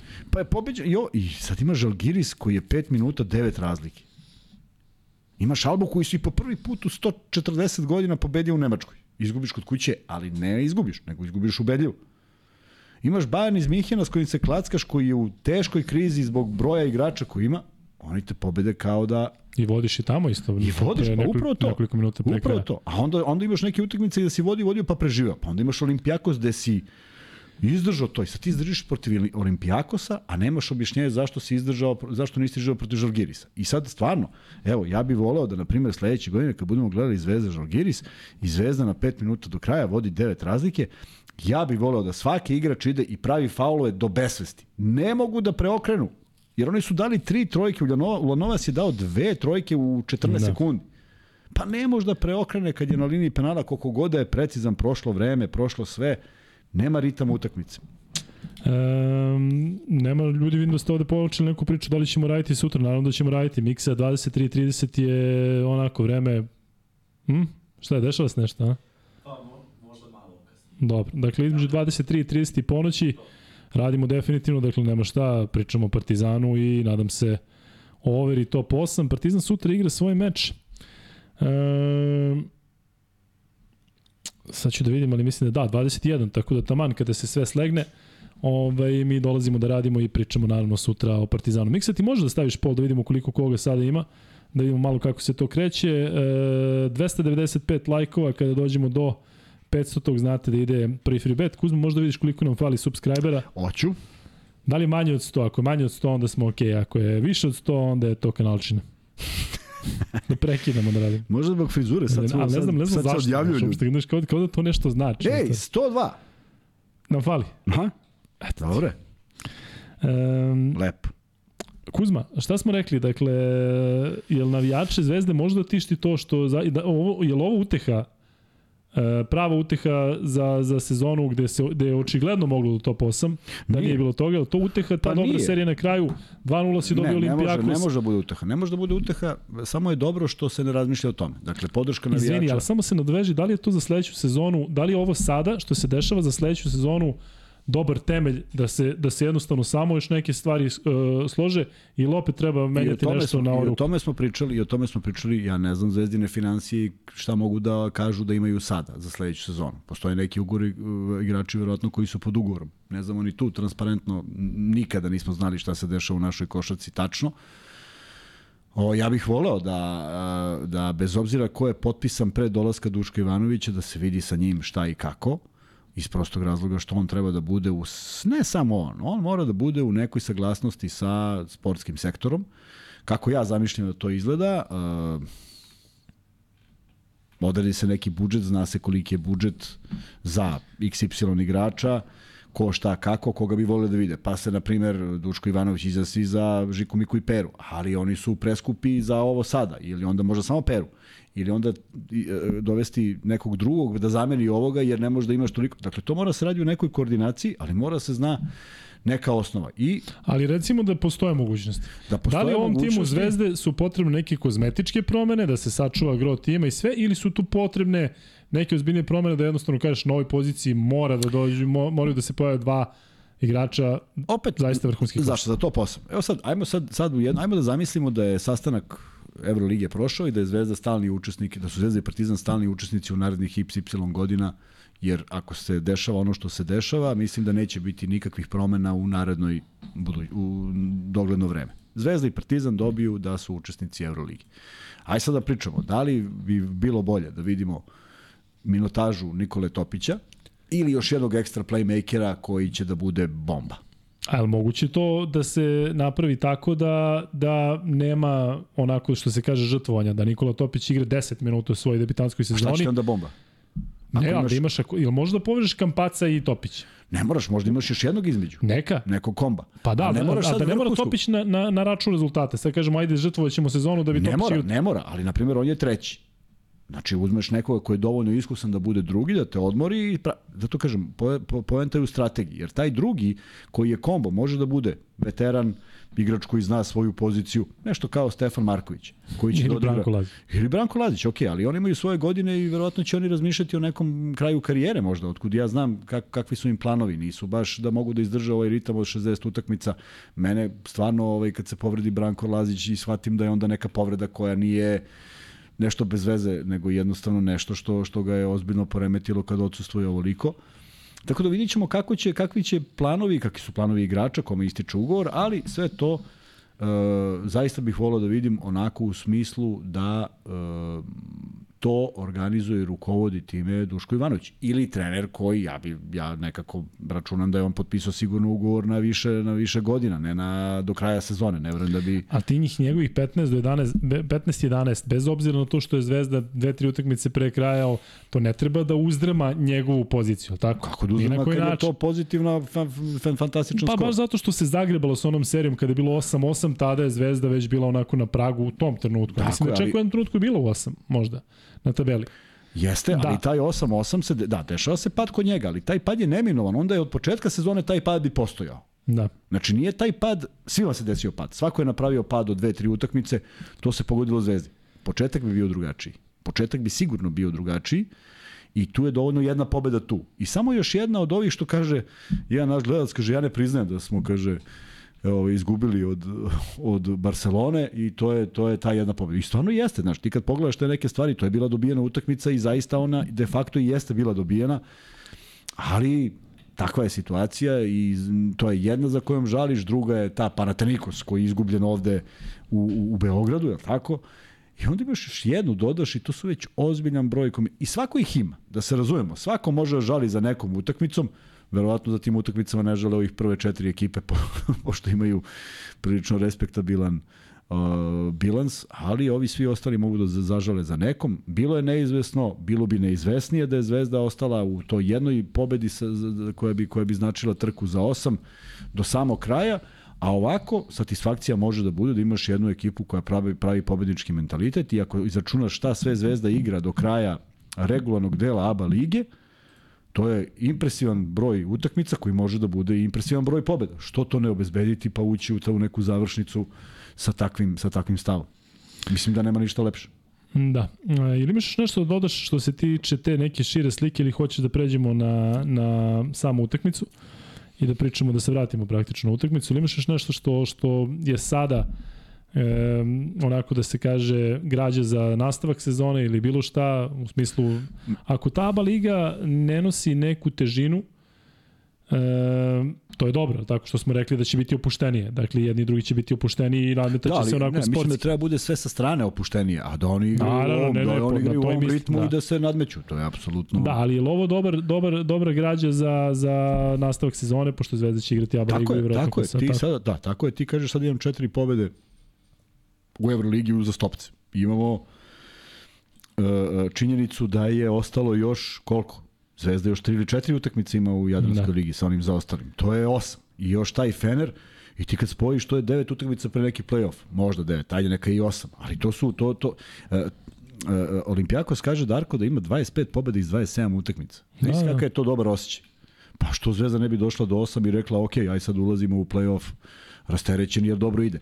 Dobra je hemija u ekipi, e, svi koji su pričali nešto vezano za utakmicu su po, apostrofirali odbranu i ona je jako dobro funkcionisala 30 minuta, ne onih prvih 10, ali ruku na srce zaista je bio toliko precizan napad Olimpijakosa da ne znam čak u kom bi sementu mogao da odigraš nešto, ne možeš budeš brži nego što jesi, ne možeš budeš viši nego što jesi, dakle sve te pozicije su bile dobre, ali su ovi ljudi zaista sve i pogodili. Prema A tome, kako si vidio igru Olimpijakosa kao Olimpijakosa? Si vidio tu ekipu u kojoj govorimo da je jedan od favorita za, za titulu A- ili ih je Zvezda ubacila sa uritem ili su oni igli slabi ili se potrefili? E, desilo se to da, je, da, da su prve izmene već malo usporili igru, već nije bilo te preciznosti, a kad je došla potpuno nova petorka, to je potpuno, mislim da je to velika greška, zato što osim Vezenkova, četiri igrača su uletela u drugu četvrtinu, što ja ne bi volao, ja da sam trener ne bi praktikovao, uvodio bi jednog po jednog, A onda je kraj druge četvrtine bio dve potpuno lude petorke gde su najviši igrači bili, ne znam, Peters ovaj, u Olimpijakosu, a ne znam ko je bio u Zvezdi, možda Mitrović. Dakle,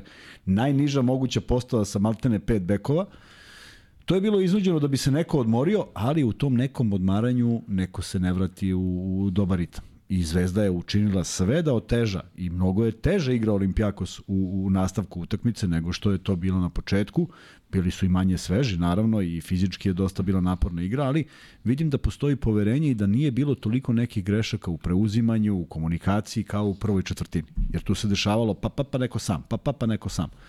Još samo bih zaista voleo da se pojača ta svesnost taj fokus na faulove i da, i da prosto niko ne želi. Ima neka polu kontra iz koje na kraju Olimpijakos poentira.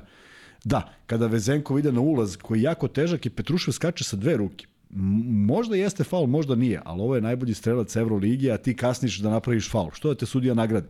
A bilo je dovoljno vremena da neko, čim su prešli pola, napravi faul i lopta sa strane. Nema tih lakih poena, pošto Vezenkov teško promašuje slobodno bacanje. Kako si vidio njegovu igru Vezenkov uživo I on je nestao. I on je ozbiljno on je nestao. imao odlično odigrao prvu četvrtinu U, i onda 11 ne- poena dok si rekao keks, ne znaš da. da ih sabereš, ali onda je potpuno bio mrtav u drugom delu utakmice. Zvezdina odbrana tu zaslužna ili nešto drugo? A, ili se on nekako uklopio to Vidi, silno malo su im rešenja bila čudna, a onda je bilo tih krad, ukradenih lopti koje nemaju veze s njim. Prosto lopta nije ni došla do njega u pojedinim akcijama, jednostavno završavala se ranije, Zvezda je tu odradila dobar posao i nestrpljivo htela da poentira u napadu, pa nisu valorizovali to dobro što su što su uradili u odbrani, tako da je stalno utakmica bila na 6, 6, 6, nikako da 4, 6, pa je onda 4, 7 bilo kad je ja mislim Holand pogodio trojku ili Kampaco, ne sećam se. I, I mogla je Zvezda to ranije malo da završi, da završi, da uđe u tu malo veću razliku, jer onako do kraja je bilo neizvesno i kažem, moglo je, mogla su dva šuta koja nisu završila u, u, u košu da završe i da bude ozbiljan problem. Ali, samo da samo da još jednom napomenem koliko ja ne verujem u taj šut. E, Partizan, Partizanu je Olimpijak šutirao 0 od 15. A ovde je bilo, ja mislim, 8 od 10 ili 6 od 8. Da to, e, zaista nisam imao utisak da su promašili jedno. U jednom trenutku, jel? Isti ti ljudi, iste te pozicije. Vopa, Vokap za koje ja kažem da redko šutira iz ćoška, danas šutne dva puta iz ćoška i bez problema pogodi i treću Da. trojku, da, dakle. I oba puta je bio sam, kako se ne Sam, tako, tako ali bio je upravo, ali bio je i ovde sam. Prosto jednostavno da. pogodi se tako nešto i to je kategorija koja je danas ovako, danas onako. Uh, zato, mi, zato mi nije delovalo da je Zvezda pobeđena posle te prve četvrtine, iako je bilo 30 poena već u toj četvrtini. Nije mi delovalo da je pobeđena jer su bili izuzetno precizni napadi koji ne mogu da traju uh, 40 minuta. Ne možda imaš taj fokus, ne možda imaš tu svežinu, ne možda se nađeš na toj poziciji da bi to trajalo 40 minuta. Um, Da pređemo sada na igrače, ali ajde u stvari da mi samo kažeš još e, kako si video tih 30 primljenih poena u prvoj četvrtini. Da, Ti si da, rekao da, da. si igrala dobra košarka, dakle Zvezda Da, dala 26, da. Negde da e, sam prolazio. i onda do kraja, dakle četvrtine onako Da sam negde se- prolazio sa strane, onako, ajde da bacim pogled, to je zaista bilo ba, ba, ba, i poteza, i Je pravovremenih se videla ta opuštenost i jednih i drugih. Olimpijaku ovo nije biti ili ne biti, dakle ni oni ne znaju, a Zvezdi je ipak Nije neka biti, stvar ne biti, ali su želi da pobede. I Naravno. najava utakmice je bila vrlo interesantna, kaže mi želimo da pobedimo zato što moramo da vidimo na čemu smo pred uh, četvrt finale. I poluvreme je Barcokas rekao, kaže, nedopustivo je da se primi 45 pojena. Pa ne možemo 45 pojena da igramo, sad će ti gledaš da li će neko pogodi tu trojku na kraju utakmice. Dakle, mnogo je poena, međutim, nisu sveli odbranu, naprotiv Zvezda je svela odbranu, tako da je podbacio Olimpijakos ako su se nadali nečem dobrom iz Beograda, ne mogu da se vrate apsolutno ni sa čim što, je, što bi ovaj mogao da kaže, uh, taj deo je valjao. Uh, naročito kad je ušla nesigurnost među igrače Olimpijakosa, kada Mekisik daje trojku, pa on že šutne tri i promaši. Larenzakis posle 0-4 šutno je petu samo zato što je morao, jer je bilo neprijatno koliko je sam. Ta lopta je jedva pogodila obruč, odbila se na 16 metara od koša. Uh, izgubili su neko samopouzdanje, Vezenkov bio dobro čuvan, nije ni išla ko lopta kod njega i jedino je Sluka svojim iskustvom uspevao da drži koliko toliko, taj rezultat. Sve ostalo je bilo proizvod stihije, ne onoga što je ovaj, pokušao da koordiniše Barcokas. Uh, Bolomboj u ozbiljnom problemu sa nekim idejama koje je pravio i faulime koje je pravio na gradi. Generalno u tom problemu, da. problemu. Uh, ovaj, Tarik Black nije ni ulazio iako je zadavao ozbiljne probleme.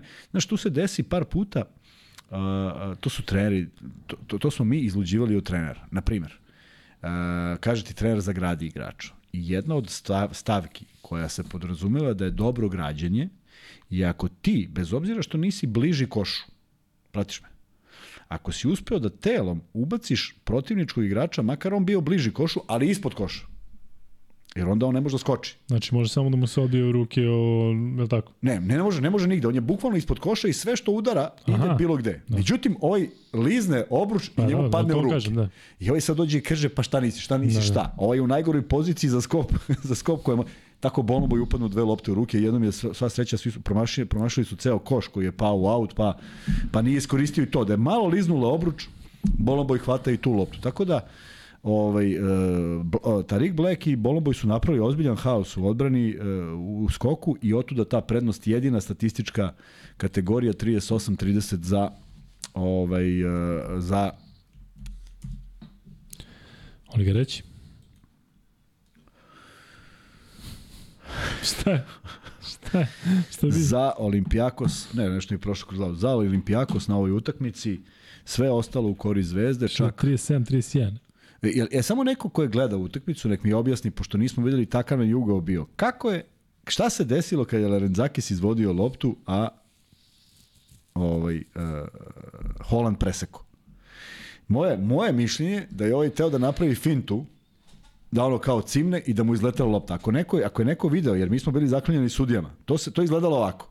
Larenzakis uzima loptu i sledeće što vidiš, bez ikakvog napora, Holland trči u kontru kao da mu je uručio loptu. Ako je neko video, nek, nam, nek mi javi, jer nisam uspeo to da Da, javljajte ovaj... Kuzmi ljudi, ja to nisam video, tako da javljajte se e, na Instagram na lukekuzme.gmail.com. Fali nam još do 500 dog lajka, još 100 lajkova. Kuzma, smo barem ili manje od 100 sada što se tiče subova.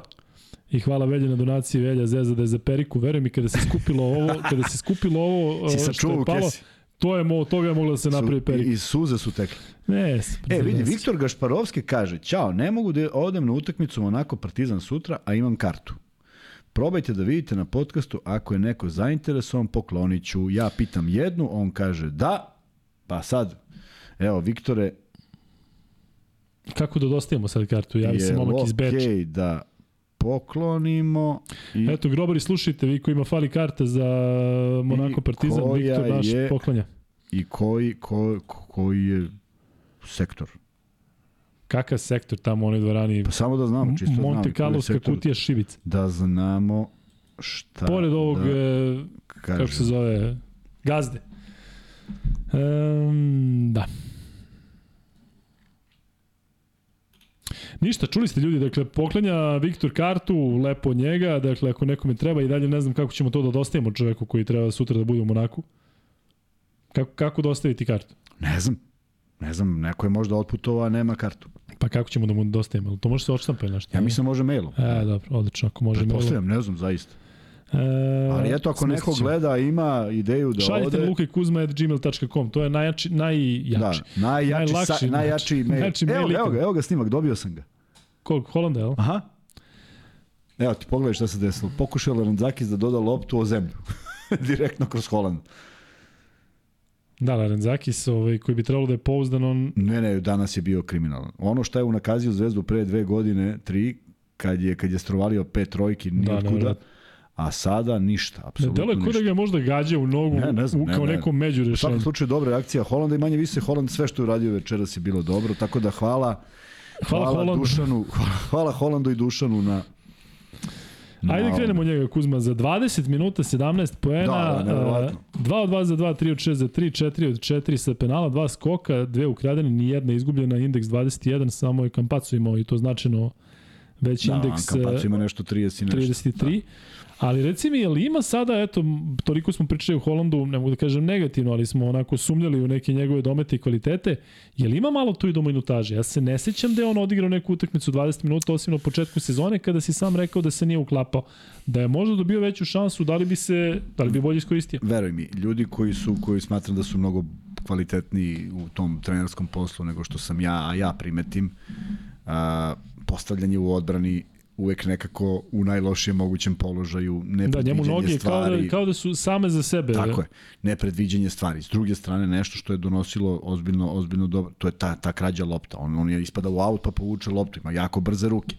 Ali nekako se ništa nije poklapalo, zato što uh, uh, ako namestiš, ako postaviš igraču igru tako, da on od ovih, koliko je šutno, koliko si rekao, 6-3 trojke E, i 2-2 2 da. Znači, ako mu nam, napraviš takvu igru, da od tih osam šuteva koji uzo pet budu da ne razmišlja ništa, da se samo ostrovali na koš, ili tako, Prese, presekuje loptu, šta ima da razmišlja, on stvarno može da da neki doprinos. Međutim, to se nije dešavalo. Čekali su i stručni štab i navijači Holanda, bilo je tu i promašaja velikih, bilo je nerezonskih stvari, bilo je, bilo je četiri igre u odbranu, on nekako uvek zakasnio. Ovo se sve pogodilo, sve se poklopilo, možda se uželeo košarke, znam da mu je drago i meni je drago zbog njega. Ja ne mislim da je on čovek koji je bilo za bilo šta odgovoran, on samo Ste prosto... pričali malo kada ste se videli ono u pioniru? Pa jesmo malo. I, da. šta kažeš? Pa zaista sam teo da kažem da, da, da, da se opusti, da duga sezona, da ovde navijači vole njegov, njegovu, njegovu energiju. Zaista sam bio pozitivan. Dakle, šta sad ti kao nekom kažeš nešto, ej, znaš, ne valja ti ovo, to je malo bez veze. A on je stvarno fin, A kako ti je? Sve on to razumeo. Znaš, i on je danas dao jednu fantastičnu izražu, kaže, nevjerojatno, kaže, mesec dana tu ne, ne, ne opališ, a onda uđeš i tri utakmice si vrlo bitan faktor, kaže, to je košarka. Tako da mislim da je divno kako je on sve to prihvatio. Ja sad ti garantujem, mnogi igrači na tom nivou da nisu mesec dana zapinjali, pitanje je kako bi izgledali na ove, tri utakmice. Ja mu skidam kapu za to, zato što je on rešio da to iskoristi na pravi mogući način. Ali mu je podneostavljena igra. Čim krene u dribling, svi su u problemu. Jesi vidio, danas on krene nešto, to ne deluje, ne, obe, ne obećava.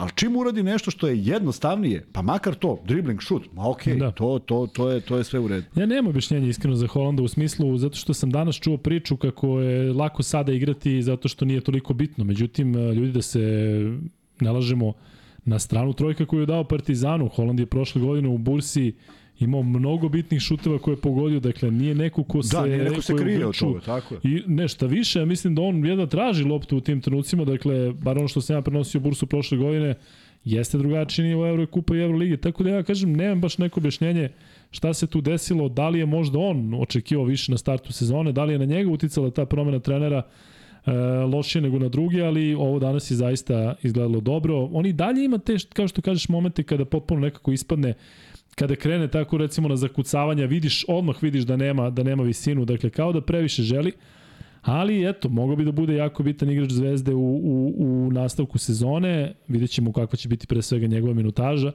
Ovde ljudi povezuju to recimo sa Lazarevićem, kako bi bilo da je Holand igrao umesto Lazarevića, da imao njegovu minutažu. Ajde Kuzma da, da kažeš i to, ali da kažeš Lazarevićeva igra danas podbacio, neprimetna. Podbacio, da, u mnogo minuta. elemenata, jest, podbacio zaista u mnogo elemenata, mm, nema, on, on, on, on umesto da tokom sezone dobija sigurnost u to nešto što radi, on, je, on deluje da gubi. Uh, moment kada je šutno tu loptu, prvo je, prvo je Vildosa šutno bez veze preko, mislim da je Vildosa, preko veoma blizu veoma bliskog Papa Nikolao koji je dovoljno smetao, a onda je Lazarević još više smetao, tako da ovaj produžio šut, ne bili uopšte izbacio loptu, nije izgledalo dobro. A sve što je trebalo da uradi upravo što je on uradio na kraju, kada on više nima poverenje u svoj šut, pa je krenuo na ulaz, pa napravio faul. E, to je trebalo da uradi i u oba slučaja. I možda je bilo... On je izgubio tu igru e, tog nekog prodora sa 2 i nešto, 2, 2, 2, 3, to bi trebalo da budu sigurni poeni Nažalost, danas ih nije bilo. Krkao se on u odbrani, čak u onom momentu kada je bio na, na Vezenkovu povremeno i novim svojim igračima sasvim solidno obradio, odradio svoj posao, ali napadački zaista nije doneo nešto, a imao je onaj početak sezone da je tu bilo 6-8-10, ne, ne kod Vlade Jovanović, nego kada ga je, kada ga je ponovo ustalio u petorku uh, Ivanović. E pa tu je bilo 4-6-8-10, pa neke bitne šuteve. Kao da je izgubio, možda, možda, možda on smatra da je ovo nešto ovaj, iznad njegovog, njegovih mogućnosti, možda on osjeća neki pritisak, možda, možda sluša svašta da nešto ne valja o, o samom sebi pa, pa gubi neko samopouzdanje, svašta je moguće. Žao mi što nije bio bolji jer mislim da on donosi jednu energiju, jednu neustrašivost, jednu, jednu pozitivu kad je na terenu, želi da pobedi, želi da, da uradi bilo šta da bi pobedio, dakle vrlo, vrlo bitan šraf ekipe, ali sa za nijansu boljim učinkom i on to onda da izgleda drugačije. Ja kažem, Martin je pogodio četiri, četiri koša, pa to može valjda i da napravi tih četiri poena i, i Lazarević i da skine tri lopte što uvek uradi i da dve preseče i da ne znam još nešto uradi i to je već dovoljno dobro. Ali danas nije bilo. Slušaj rezultat Baskoni Asvel, si spreman?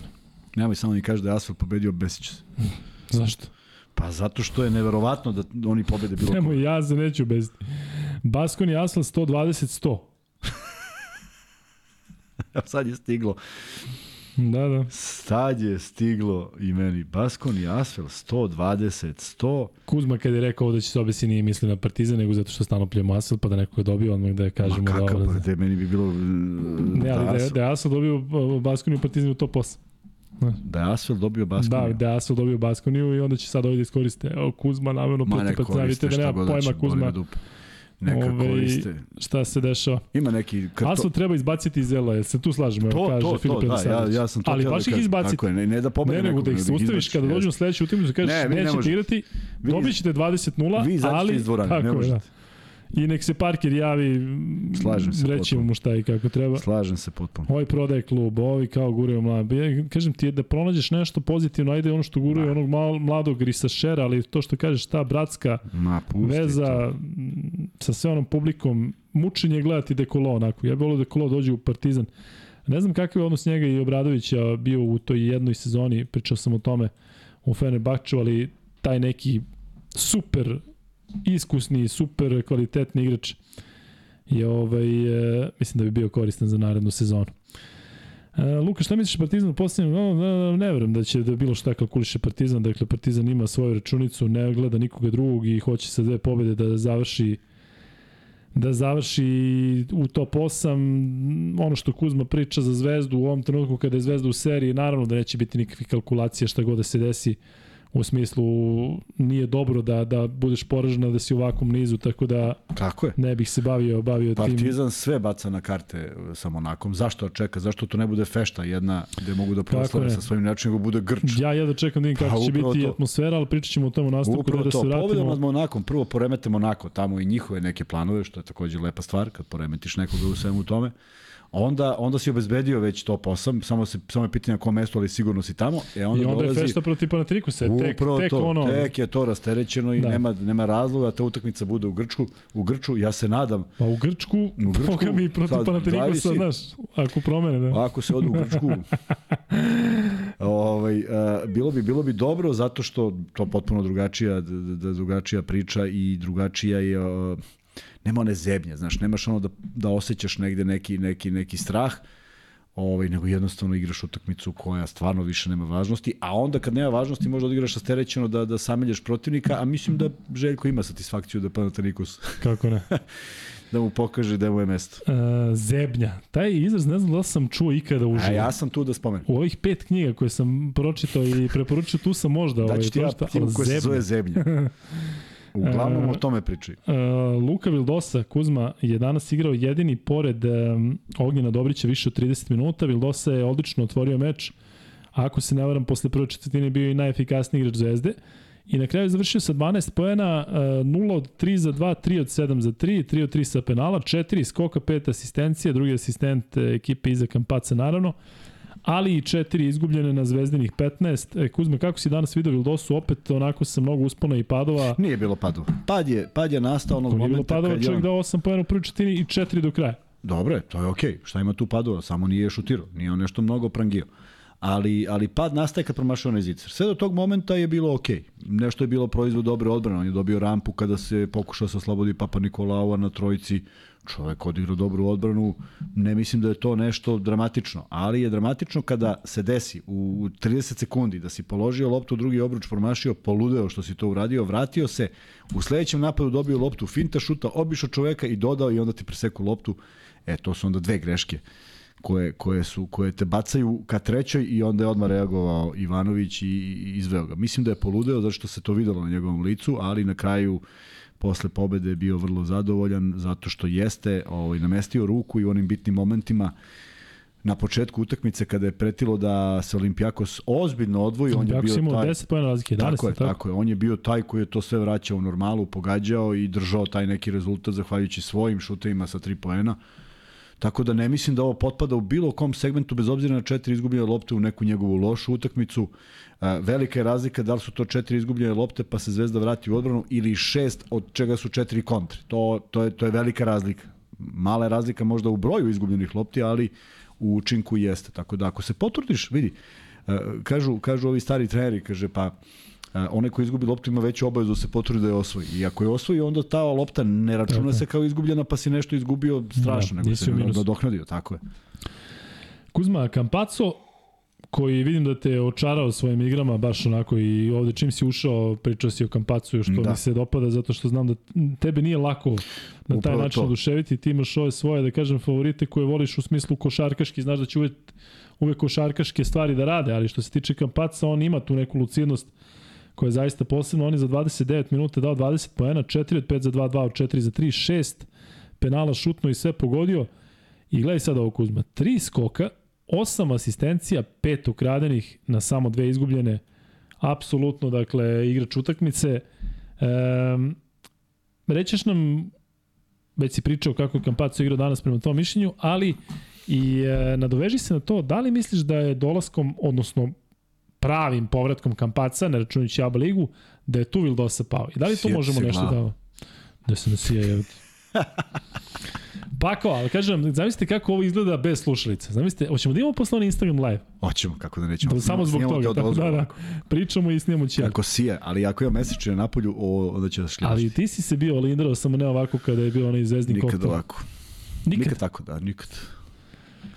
Da, evo da rastavim to za Kampaca. Da, e, vidi, e, sigurno da je u jednom trenutku bilo tu ko šta kako i nije se znalo ko šta radi. Možda je to bila ključna utakmica koju će opet sigurno oni najokoreli zvezdašti pamtiti po lošem utakmica protiv Cibone koja je bila za nijansu luđe od utakmice protiv Zadra. Ja sam 100% ubeđen da, da, da se rekonstruišu one, da se napra da se sve one situacije iz te utakmice dovedu ponovo i da daš onim igračima loptu i da šutiraju 10 do 15 puta iz pozicije iz kojih su pogodili da bi bilo nemoguće da pogode. Ali desilo se. I Zvezda je tu utakmicu prokockala koja se nadovezala i dodala još problema koji opet nisu mogli da budu ovaj, određeni, ali e, zaista je u tom periodu Zvezda igrala na nenormalno veliki broj trojki. Dakle, neke stvari nisu legle očigledno u samoj igri, jer ovo sad što su odigrali, što su odigrali protiv Barcelone, koju su izgubili, što su odigrali u ovim prethodnim utakmicama, sve to drugačije izgleda. Nisu došli novi ljudi, nije se ni, ništa novo desilo, ali su definitivno neke stvari legle. Meni je, na primjer, žao što, eto, protiv Kampacovih asistencija mahom njegovih, mada bilo i Vildosinih, Dobrić nije pogodio ni jednu trojku, koji je danas bio izuzetno sa puno osjećaja u dvojkama i pogodio manje više sve to što je išao na neke flotere. Taman smo misli da je Dobrić Taman misli, ovaj, e, mi smo da. otvorio utakmicu sad kad tu strovali još dve od ne, četiri. Ne, mislim prethodne je... utakmice, dakle ono da, pun da, samopouzdanja da, kako da, je igrao da. sada za... Dve od četiri, ne treba on sad četiri od da. četiri pa da kažeš u fascinantno, nego dve od četiri je sasvim nešto što se od njega očekuje. A jedna od četiri malo onako ne četiri, primetiš toliko. Da, ba da, možda će dođe do 2 od 5, ali, ali jedan od četiri je isto okej. Okay. Međutim, dve koje, pošto je bio potpuno sam u, u, u većini slučajeva, sem te jedne kad je ono bilo preko pola, pa je samo vraćao, pa nije našao dobru poziciju, Ovi, šteta što nije, što nije sebe nagradio, ali kažem, Kampaco je definitivno sada vođa, ali ne u onom smislu da on sad juri nešto, nego jednostavno zaista traži uh, najbolja moguća rešenja. I naravno i on je malo stekao uvid, jer ima jedan moment koji je takođe Darko prokomentarisao, Nedović što malo što je igrao, kreće na ulaz. Kreće na ulaz istom brzinom, isto sve kao što Kampaco prodire. I šta radi Dobrić? Utrčava u reket, a Nedović baca na spolja. I ne razumeju se izgubljena lopta. Zato što je Kampaco navikao da igrače da se kreću, pa Martin utrči, pa Lazarević utrči, pa Dobrić utrči, sad ti utrčavaju, zato što su tu gde mogu da dobiju loptu. Tako da, to je vrlo bitno da se znaju ta neka pravila, jer vidiš da su kretnje drugačije, mnogo opasnije po koš Ja i dalje tvrdim da Zvezda nema problem u tim talentima koji mogu da izmisle neke poene. Izmislio ih je danas i Mitrović u nekoliko navrata. Svi su izmislili nešto, ali kad je odbrana na ovom nivou, a zaista su zaključali ovaj, reket u jednom momentu, onda je sve lakše. E, Kuzma, nadovezao si se ti sam na Dobrića da kažemo da je on danas imao najveću minutažu, igrao 31 minut, dao 7 poena, 0 od 4 trojka, 3 od 6 za 2 i od dva slobodna bacanja pogodio je jedno. Četiri skoka, dve asistencije, nije imao ni jednu izgubljenu, e, međutim indeks zbog tih promašaja mu je mali, da. ima indeks 6. E, pomenuo si Nedović i tih njegovih e, malo minuta što je odigrao, odigrao 4 minuta, ajde da to ni ne računamo i da ne komentarišemo njegovu igru zato što je samo jednom šutnu trojku i promašio. Ali Kuzma, šta nam to govori, da li nam išta govori i šta nam govori to što Zvezda igra prilično dobro bez Nedovića? Je to ima nešto tu da se sad čita između mm, redova ili bilo šta? Znaš kako, uh, Nedović je počeo sezonu. Nedović je prvi.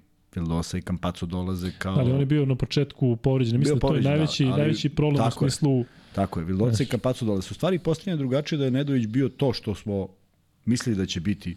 Pitanje je da li bio dolazak ove dvojice bio da. bitan, važan, da li bi se desio, jedan bi se možda desio, možda ne dva.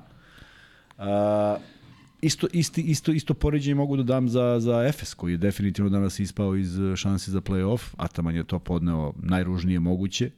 Napustio je utakmicu. Pozdravio se da, sa Itudisom i otišao u nepoznatom pravcu. Još, još ne znaju gde. I ovaj, Znaju, evo, Ceni Grobar javlja. Tu Ceni Grobar zna, mm. a ovi ostali ne znaju da je. I, ovaj, uh, I eto, jedan višak, znaš, Clyburn, Clyburn dolazi na Larkinovu povredu, vrlo slično šta se dešavalo u Zvezdi. Larkin koji ne startuje sezonu, dolazi Clyburn, funkcioniše dobro sa Vasom Ićem, vraća se uh,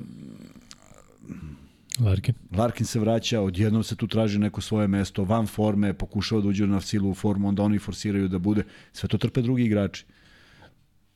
Ti kad pogledaš Plajsa da ga pitaš, jeli, znaš ti šta se dešava oko tebe? On kaže, ja majke mi ne znam, verovatno bi odgovorio. Jedan dan igram 28 minuta i šutnem 8 trojki, drugi dan me zakuca, nisam tu. Vrlo neke čudne stvari su dešavale. E, svi koji znaju Atamana veruju u njegov onaj, ono, 7 igrača, 8 igrača i to je to. Ali, e, zaista mi nije delovalo i ponovit ću po 150 put, zato što sam 150 puta dobio tu ovaj, primetbu da oni se čuvaju. Nijednog trenutka mi nije delovalo da se Efes čuva za bilo šta, nego su jednostavno igrali loše. I utakmice koje su pobedili, pojedine su igrali jako loše, nego je bio suv kvalitet Vase Micića uglavnom ili neko drugi proradi ili Boboa strovali buba, buba, buba, buba. To je to. Tako da mi a, a, od, od, od, od finala prošle godine njihova igra ne deluje kao fenomenalna igra. Moram sad digresiju, došao sam se setio našeg ovaj razgovora, pa sam pročitao podatak da je Dallas bio 96% u play-offu, a da je sad ostalo 0,6 ili 6% šansi. To je zato što vrlo, vrlo liči kako igraju. Mi uživamo u tome što Dončić radi. Da. Mi uživamo što radi Vasa Micić, ali van toga to ne donosi rezultat. I jako je teško da doneš rezultat i ne možeš da baziraš ni jednu košarku, naravno što ne NBA košarku, a ne možeš ni evropsku košarku da baziraš na takvom jednom igraču. Videli smo kad se bazira na Jamesu, ne dovedu do rezultata, Vasa ne može više, pa i njega su skenirali u nekom momentu, pa mu ne ide baš svako veče. Prema tome, ne može taj one man show da, da, da, da funkcioniše, makar ne ovde na taj način. I zaista mislim da su ove ekipe koje su... Pogledaj ti gde se nalazi Žalgiris. Pa koga bi uzeo tamo? Ili imaš nekoga koga bi rekao daj mi ovoga? Pa ne bi. Pa, možda Lekaviću se da bude tako neki Ali on je probao, da. tako on je probao negde pa Jeste, nije uspeo. Pa dobro, korektan bio u Panathinaikosu. Ok, da. samo korektan. A hoću kažem, nije to Jeste. sad ti kažeš daj mi ovu trojicu da, da, da ih ja treniram. Da, da, da. Znaš, a oni, a oni i dalje tu konkurišu i svaka im čast. Mislim, zaista... Sa, da, da, sa... Šmic je koristan, ne bi ovog Šmica doveo. Pa svi su oni korisni, Jeste, ali da. nisi neko koga da, ćeš zaljubiš, da kažeš da ga dovedemo. E, to je to, da. to je to. Tako da, ima, ima tu tih timskih stvari koje su vrlo bitne, oni dišu kao jedan i mislim da da, da, da, da neće odustati do posljednje sekunde njihove utakmice ako ona bilo šta bude odlučivala. Milan Knežević kaže, prošao sam danas kroz Fisk Setru i setih se Luke, pozdrav, hvala ti Milane e, i mnogo mi je drago što ovaj, što si prošao kroz Fisk Setru. Ako neko zna da li taj Philips Grill još postoji, ranije je bio, ja mislim, u Salču Duvnasu ili neka, jedna stanica posle Fisk Setre, ali ako, ako Philips Grill još postoji, mislim da sam čuo da je, da je čovjek umro, ali ako postoji, ja dolazim u Švedsku. Eto, vi znate da ja ispunjavam svoje obećanje, ali ovaj, u svakom slučaju, hvala tebi Milane i za donacije i za sve. E, Kuzma, da nastavimo dalje sa, evo ga, 500 like. Češ ti Kuzma neki... Nemoj, nemoj ti slobno free bet. O čoveka neće da... Slobno, pa stra, strašno dobro to radiš. Neviđeno radim, da. Mislim da toliko dobro radim da, da te sramota da kažeš nešto. Ništa ljudi, što se tiče Zvezde, ajde da se držimo ove današnje utakmice. E, možete da nam kažete koji je bio odnos e, odnosno koliko je Zvezda imala asistencija, ko prvi odgovori dobija free bet, zato što je danas ovo zaista dobro. A mislim da, da toliko imao i, i, i, i Olimpijakos. Sad ćemo da vidimo. Mm. Jeste. Dakle, koliko su imali Zvezda i Olimpijakos Zajedno i onda po na osam. I onda razlomak. e, I Mik se možda ugasiš ovde, imamo koliko koga ima. E, Petar Mitić je prvi odgovorio, nemoj da se ljutiš, bolje 1960, ali ti si stavio 19 i 18, ali Petar Mitić je prvi odgovorio, tačno, Pero, šalješ uh, na lukikuzme.gmail.com, šalješ svoj max bet nalog. Ništa, grobari, uh, znate kakva je situacija, kada dođemo do 700. lajka, onda postavljamo uh, pitanje za Partizan, a odnos Partizanovaca i Zvezdaša je trenutno, znaš kakav Kuzma? Zvezda 58, 58 zvezda. 56 zvezda. 56 zvezda. Partizan 39% i 4% neko treći. Ljudi, molim te, vi, vas 4%. To je na 1000 i 700 ljudi u live-u, to je, dakle, koliko? 60, ajde da kažemo, 68, 65. E, Kako više? Pa 4% od 1643. 1643, 164, 80, da. Šta, gde ćeš sa mnom izmati? 68 ljudi. Pogrešio e, Pišite za koga navijate, ali bez ono zezanja, a, nego stvarno za koga navijate, baš nas zanima. S tim da verujem da neki od vas lupaju to tek onako radi reda. E, Kuzma, da vidimo ko nam još ostaje od igrača. Evo ja moram da kažem prvo za Nedovića da zaista mislim da taj momak nije imao sreće.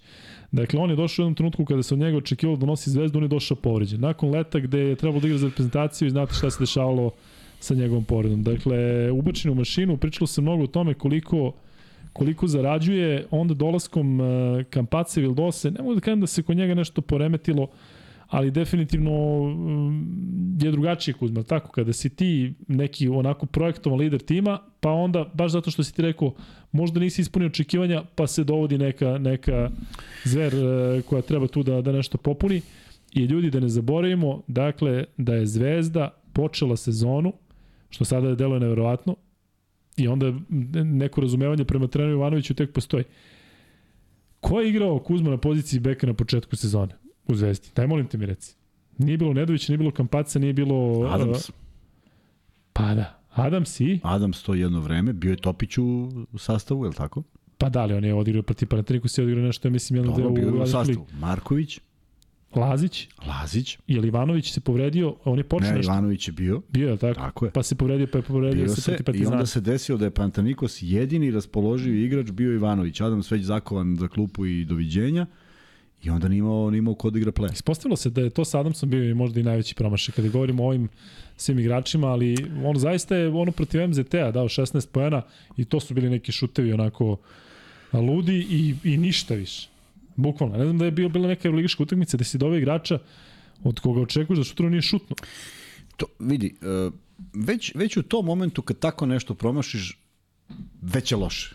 Ne loše do kraja života, ali loše jer si imao svo vreme sveta da to ne bude da to ne bude taj. Slažem se da nekada može da se napravi rizik, ti znaš da sam ja uvijek bio zagovornik toga da se oni otpaci sa drafta pokupe, dovedu vidiš neke koji nemaju perspektivu čak ni u toj G ligi, pa oni dođu u Evropu, pa ćeš od, od četiri jednog da ubodeš, da imaš sreće i da to bude pun pogodak, trojica verovatno neće. Ovde se išlo na taj neki rizik zato što je Australijska liga za nas nepoznanica, igra se drugačije, definitivno se igra drugačije, drugačiji da, je sistem vrednosti. Ja mislim da je ovde domo kad je došao, kad je vidio onu atmosferu da nije znao da se nalazi. Tako je. I ajde sada pričamo malo o nekim stvarima uh, koje su izletele iz usta pojedinih NBA igrača i ljudi koji su ostali NBA kažu da je Euroliga... iz usta. Pa da, oni su izgovorili. Pu, pu, takmičili se u dalj. Oni su izgovorili da je mnogo kompetitivnija uh, Euroliga. Dakle, tu su neki kontakti koje mi smatramo normalnim jer su nama prilagođeni, ali možda je to stvarno nešto što je na nivou onoga da da ovaj Adams ne može da ukapira jer toga možda nema u Australiji. Ne znam, ja sam pogledao dve australijske utakmice kad ti prenosiš zato što mi je zabavno, ali Samo dve. pa dve. Ne, ne mogu da ustanem tako rano. Ne mogu da ustanem tako rano. Gledao sam NASCAR kad prenosiš, sve sam gledao. Sve, Sve od početka do, do kraja. Da, da. I tenis.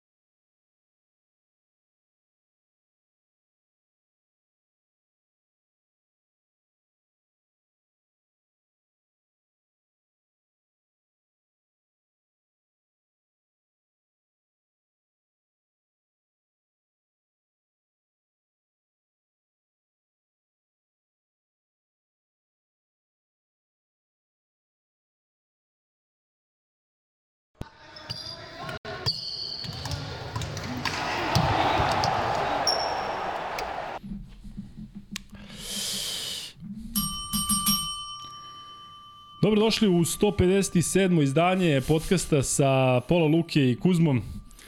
E, kamera nam ova ne radi, tako da ćemo jedno vreme raditi na ovaj način. Gde si Kuzma, A, vi ćete još neko vreme da razmišljate čija ono kosa sa slike bila i da li je Luka. Da, nećete dugo, da. Ali ovako je vrlo interesantno, zar ne? Ne, ovako sam ko onaj Andrew Tate. Znaš ko je Andrew Tate? Kako da ne znam? Neki, No kako da ne znam? Ma, neki znam sve. influencer. Znaš stvarno? Ne. On nešto. Znam samo francuski, neki influencer, samo standard. francuski influencer. Da. Gde si Kuzma, šta ima? Evo, došao, stigo jedva, zato što je konferencija za štampu potrajala i ovaj i uživo još jednoj utakmici, zaista mislim da je bilo dobro, kogod je gledao, mislim da je uživao. Ja nisam uživao s obzirom na to da je Žalgiris e, Povedio, da. pobedio Baskoniju, prenosio sam taj meč, pa nisam Makabi. stigao da gledam. Da, Makabi. Ove, sve mi se skupi. Opa! Ove, da. Da, da, to je to, dragi gledalci. Kažu da mi oči sad dolaze do Sedi izražaja. sad Moram ovako da gledam. Šta Kao, sedi da, sad, ko da kontroliraš kolica? A? Tako. Opusti se sad. Ali zamislite kako ovo izgleda bez slušalice. Zamislite to. Miksa, po- podigneš malo da, da ovo vidi ovo. Ko Pero Antić, samo plavi. Šta ćemo da radimo, Kuzmo? Ćemo da, da nastavimo da radimo ne znam, ili ja da sam i dalje u prekidamo? šoku, viš da ne mogu da pričam. Da, nisi mi verovao da će ovo. Znaš kako si mislio da ja ovaj svoju, svoju reč... Stvarno ovaj, nisam, ne da nisam verovao, nego rekao, ajde nešto, možda tu, nemam pojma šta si pričao, možda sam mislio da ako ne bude prvi, pa ovaj. Ali ti si baš ako bude prvi. To sam shvatio danas kad su ljudi masovno počeli da pišu. Da, da, da, da, ne, mislio sam da će zaboraviti, međutim nisu. ne da nisu, nego pišu ko blesaju. Ne, šalu stranu ovaj, i frizura na stranu. E, Pokušaj na stvarno se nadamo da će biti... em, da će biti... Da će uroditi plodom ovo tvoje šišanje. Da, mislim da će doći do Mareja i Portera, da ono kad su rekli sad kad smo ovo, moramo i ovo. Ove, ali vi ne, znam, ne možete verati kako ovo izgleda. Znači, moj fru, frizer Dule nije mogla ruka sama, kaže, brate, ja ne mogu ovo. Još ja imam gustu kosu, kaže, brate, ti možeš toliko stvari da radiš sa svojom glavom, a ne ovo. Ali, kada može Jordan ceo život i kada može Sala Đorđević pola života, izdržću ja jedno koliko Pa znaš kako, dana. znaš kako, ima jedna fantastična slika Sale Obradović, Sale Đorđević i Neša Ilić u svojim najboljim izdanjima bez kose. I kaže, dobro sa Gajić, novi imidž naših reprezentativaca. E sad tu malo, malo je izostao taj imidž. Ajmo, ajmo drugi kao, ajmo neki stari. Aj nemoj novi. Tako da ovaj, ti nisi u tom problemu, ali evo sada da vide ljudi kako to izgleda. Ne, pazi, mnogo dobrih fora ima. Kaže, Luka Kanta frizura. I izgledaš kao Pablo Laso. Nemoj se ni grobari, nemoj tako da biješ opasno, ali ovaj, porašće to tamo kad budemo igrali utakmicu, onda će da budemo onako u fulu. E, donacije koje budete dali večeras bit će za moje presađivanje kose. Za dakle, puštanje, sve za ide, puštanje sve ide, kose. da, da. Donacije idu za I puštanje za kose. periku, za periku, tako da ovaj, ja. E, Kuzma, imamo nekoliko stvari pre nego što krenemo sa Zvezdom. Da. Dakle, utisak je naravno što pričat ćemo o Zvezdi, pričat ćemo, najavit ćemo Partizan. E, a moj kum lepo kaže, vidim da je ovde Luče kapitan isto rekao, ma šta nas briga šta rade drugi, Partizan gleda sebe, ali da je onaj Džuđavi Boldvin pogodio, e, bilo bi mnogo bolje. Ima neko ko je napisao, Luka, zbog tvojih kladioničarskih e, tipova, dete mi ne ide na ekskurziju. Ali, ovaj, vratno mislim na ovo što sam rekao da će Real da da stotku Bayernu. Real Džuđavi koji vodi 56-44 nakon 30 minuta igre. Mislim da mi je ovo partija sa najmanjim brojem pojena ikada, naravno da će dobiti lako. E, Zvezda dobila Olimpijaku, Žalgiris e, Makabi, Fener razvalio Anadolu Efes i stavio tačku na ovu njihovu košmarnu sezonu, a igraju se meči Valencija Virtus, što vjerojatno nikog ne zanima na planeti Zemlji. I Baskonija Asvel, gde je Asvel dao 50 poena na polovremenu, ali Baskonija vodi 55-50 i mislim da je, zaista treba da se desi čudo da Baskonija taj meč ne dobije. E, Kuzma, ti si bio naravno pioniru, ali ajde prvo da, da, da kažemo, Aj, prvo imamo neke jedna, stvari. Da. Da. Jedna, jedna zaista ružna vest koja se desila, koja me potpuno zatekla, zato što sam znao momka Dalibor Dixon. Destanović, momak iz, iz Aleksinca, mislim da je jedan od najboljih igrača tamošnjeg lokalnog napretka, jedan onako divan tip, nasmejan, kojeg sam imao prilike da upoznam u tim nekim dešavanjima oko Saveza. Znam da sam ga sretao u Soko Banji na različitim manifestacijama, možda čak i slučajno na odmoru, s obzirom da je on iz blizine. 75. godište, uvek nasmejan, uvek nekako pun nekog života, energije. Pre dva dana, ili uče možda, ne znam, doživeo je infarkt i nisu uspeli ništa doktori. On je radio u rumunskom klubu i vidim da je velika onako da, da je mnoge pogodila ta vest jer je potpuno neočekivana.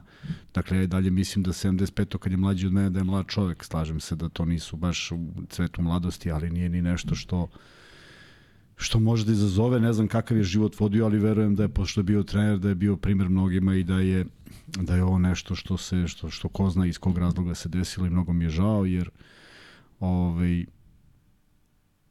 znam koliko je bio posvećen košarci i koliko je ostavio tog nekog traga u lokalu kao jedan od igrača koji, ja ne znam da li napuštao napredak, ali u Rumuniji našao svoje mesto, bio priznat, e, dugi niz godina radio i eto gledam mnoge trenere koje, smo, koje znamo zajedno i bivše igrače da mu odaju e, posljednju počasti. Kažem, baš me pogodila vest jer nekako da shvatiš koliko sve to ovo što pričamo i, i, i radimo i ove mahom negativne ove konotacije neke e, koliko nemaju smisla, koliko, koliko je život kratak i baš zbog toga je to neka poruka da u ovakvim stvarima kojima smo pristovali večeras, imamo privilegiju da pristujemo tim nekim košarkaškim, uopšte u životu, da da malo drugačije gledamo i da se malo veselimo više i da gledamo neke pozitivne stvari, jer, jer uh, mnogo je ružnih oko nas, samo ne želimo da ih vidimo. Ovako jedno izleti pa te pogodi i, i prosto ostanemo onako, znaš, razmišljam šta bi rekao, nemam baš mnogo, jer jedan, jedan čovek kojeg, eto, još jedan u nizu kojeg sam znao, na ovaj više nije sa nama i mogu zamislim kako je njegovi porodici i, i ljudima oko njega, tako da nažalost time to je to je obeležilo ovih poslednjih nekoliko dana van van košarke. Mnogo smo ljudi ispratili što Strašno, privatno da. i ovako za ovih nepunih godinu i po dana koliko traje podcast i zaista onda tek što ti kažeš shvatiš koliko su neke pa stvari da. kojima se i mi bavimo generalno kao ljudi i posebno ta neka e, imaginarna averzija jednih prema drugima da, neki stvari problemi, nema smisla. Nešto, da. koliko nema smisla, umesto da uživamo u tim nekim momentima, se družimo kao što, što ljudi zaista doživljavaju ovaj podcast. Ja ću posle podeliti tu jednu sliku, momak se pojavio ovaj, u, Luka i Kuzma majici, ja ne znam koliko ga ljudi videlo. Taj momak je najpopularniji bio. Ja sam da. dobio 20 slika, mogu misliti pa koliko da, si ti. Da, dakle, da, znači samo stižu slike. Hoćemo momku da damo, dakle, momak koji je bio večeras... E... On je meni, ma, pazi, desilo se sledeće. Dečko mi piše, nek mi ne, zame, ne zamere za imena, potražit ću posle. Dečko mi piše dok sam držao, dok sam radio studio i moja slika i kaže javi se Kuzma. I sad ja sam slikan iz, uh, iz Anfasa i pogledam gore, naravno ne, ne gleda taj čovjek u mene, niti ja mogu da... da... Ovo na vrhu durana. Pa da, on je gore. Visi. I u tom trenutku dok ga tražim pogledom, ustaje momak, ovaj momak koji je na slici i ovako mi pokazuje, podižem duks i pokazuje majicu. I ja mislim da je on poslao sliku. I mahnem ja sve to super. I sledeća poruka koja stiže kaže, ej, izvini, premestio sam se na suprotnu tribinu, nisam stigao da ti mahnem. Uopšte nije taj, znači ovo je sad neki drugi. Isto s majica. Ne znam, ne znam, on je mm. samo rekao da mahnem, ali ovo kad sam video, a poću naći ime, Ovaj, onda sam pokazao Darku da je on tamo i onda su krenule te slike da stižu. Da, da, da, meni je stiglo, da, i od Uleta i od Ljovea i sa svih strana, dakle, Burazeru, ti se javi da ti poklijemo još jednu majicu. Dakle, eto, šta da ti kažem, a, ne mora crvena, da nemaš dve, tako da javi se na Instagram, ti ovaj, danas si toliko puta slikan u dvorani, bilo je toga i ranije, ali danas iz nekog razloga ovaj, još više je, je to posebna stvar. E, još nekoliko stvari, dakle da se zahvalimo svima vama koji ste uz nas. Ja zbog frizure se nadam da će ovo biti najnegledaniji podcast, e, ono, da, će, da neće preći raziju. Ali e, šal na stranu, free bet, e, free betovi će biti kao i obično, znate za ono pravilo kad dođemo do 500 lajka, dakle plan je prilično jednostavan, pričat ćemo o Zvezdi, zatim najaviti Partizan i za kraj ćemo pričati o NBA ligi i svemu što se tamo dešava, dešava se svašta. Miksa, ti si raspoložen kao i uvek. Sport klub prošao u finalu, na Final Four. Ja mislim da sad ono, jedno Kuzmi Unat tri čuke da pričamo o NBA ligi. O svakom timu, pričamo o, O timovima, svakom po... o timovima koji nisu prošli u play-off, sad pričamo kako bi mogli jedna rekonstrukcija za sledeću sezonu. Ovaj, tako da u svakom slučaju biće zanimljivo i, i ovo pita Deki Savić, Luka šta bi sa glavom čoveče? Pa kao moj burazir, ne znam šta ti kažem, vidiš sve i sam, ali ovaj, dobio sam, uh, sad me ovde, ovde ne, možeš da veriš koliko fora ima, dakle, Luka Heisenberg, Luka Breaking Bad, uh, ma kažem ti, toliko toga ima da ne možeš da veruješ. Za momka iz pekare i za sve koji pitaju, uh, pričat će Kuzma o Holandu, ne brinite ništa, posebno ćemo se zadržati na njemu kada budemo pričali o igračima. I eto, to je otprilike plan, kažem, kada dođemo do 500 lajka, uh, cepamo prvi free bet koji će biti naravno u, uh, u vezi zvezde i verovatno ćemo da grunemo neki neko šarkaški za kraj. Kuzma, imamo li još šta da kažemo na početku? Nešto, šta, poslao nam je momak tekst, je tako, koji, smo, koji si objavio? Čuj smo. Ali ga reći? A, Marko Čović, da. Da, možete da pročitati taj tekst na Na našem blogu. na sam ja da. dakle, ka, rekli smo vam, pišemo mi tamo o podcastu, pisat ćemo sigurno kasnije i o svemu i svačemu. Marko Čović napisao lep tekst, ovaj, objavili smo to na blogu, zove se Vaš ugao.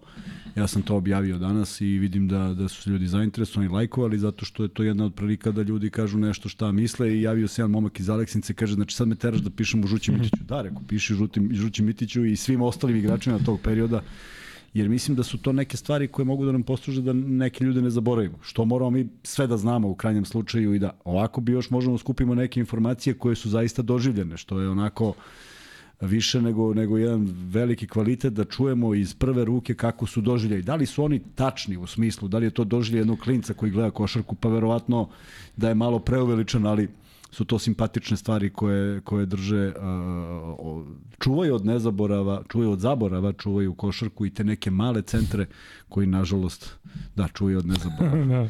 Ne čuvaju od nezaborava.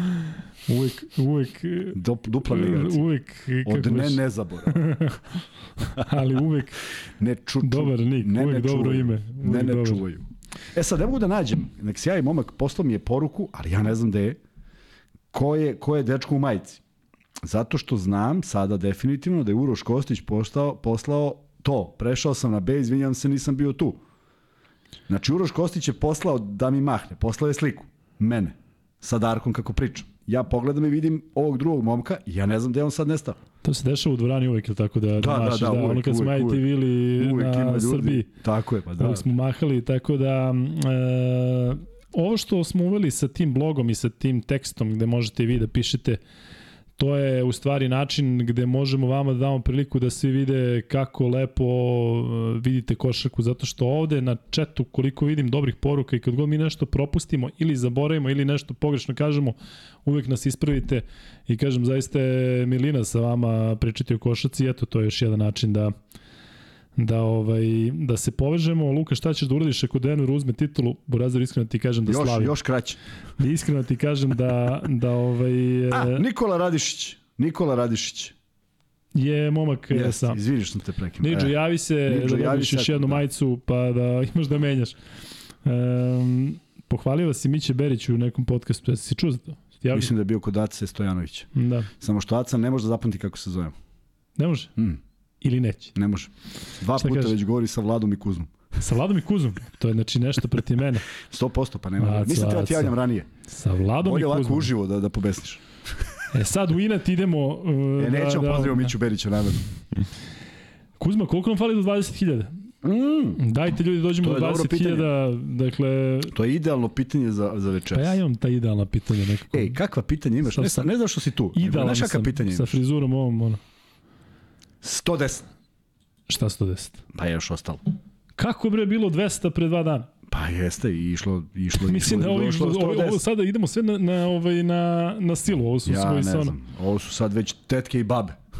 Da, da. Luka, šta ćeš da uradiš kada Partizan uzme titulu Euroligi? Ovo je burazir moj. Tad će biti cirkanje u lajvu do patosa, dakle, o, dok, dok se ne, ne, To ne znači izmimo. 15 minuta trajemo. Tako je, patosa da, da. Do Lukinog Next, patosa je next. 15 minuta.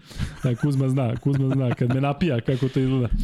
E, ništa drugari, dakle ajde zajedno da dođemo do 20.000 tog e, subscribera, da dođemo do 500 lajka, da ispucamo prvi free bet i da peglamo redom. Kuzma, e, da krenemo mi od e, Zvezde. Bilo nekih još stvari koje su se dešavale koje bi rekao ovaj, mimo, mimo ovog e, redovnog? A, nisu, nisu. Ta ružna tebe koja na poslu se desila. sve okej, da, a? kod mene na poslu fantazija, to samo zovu. Podelio sam četiri vizit karte već. Dve si dao meni, Dve tebi, dve miksi. dve u pekari. Dve sam zalepio za šofer šajbno, otkupio naš auto, javiti se kontrola nešto za medicinsku opremu. Dakle, MediPro servis je usluga šta god vam se popravi, Kuzma dolazi i pritom vam priča o zvezdi. I deli Luka i Kuzma stvari i ako ima neki kardiogram usput, Proverim, Da, pre- proverim. da, da. Znači sve radimo. Poklanjam majice, Tako je. radim, radim EKG. Kuzma vam kaže kako srce radi bez EKG-a, toliko se izveštio. on. E, ali znaš kako radim? Pa to za 5 minuta gotovo. Kidanje, to traje inače pola sata, ali ja 5 minuta. E, Elem, e, majice Elem možete kupiti na lukekuzma.shopu.rs, frki mrki, je tako? Fraki ima sve, šta? Mrke, čuti, ovaj, sad me zvao jedan momak juče i poslao mail, ste me možda zaboravili. Mislim se jesam, ali poslao je telefon, Mi pa ću se sa Frki poklone, Mrke. mi imamo i Pa poklone. to ima, to sve stoji, ali, ali ne brinite, to će Ništa sigurno ne biti. brinite, Da. da. Pa evo, Ovaj, evo, pogledaj sad ovo, gledaj. Mislim, samo današnji dan. Završio sam negde oko dva, dok, sam, dok smo došli da klopam, bilo je tri, je, ručali pola četiri, studio je bio u pola šest, u pet i deset sam izašao i, i samo sam se vratio kuće da promenim ovu majicu i došao i vratit ću se u jedan. I stvarno nije... Ko ti kaže da će se vratiš u jedan? Kad krenemo mi da pričamo Pa, o jedan Toronto jedan Raptorsima, brate, ono, Toronto, druga, backup, backup ekipa Toronto Raptors. Pričao Minnesota. Raptors 905. I E, šansa Minnesota, ako ih imaju. Gde nemaju. Uroš kaže, Kuzma, ja sam pokrenuo to, za mene je majica.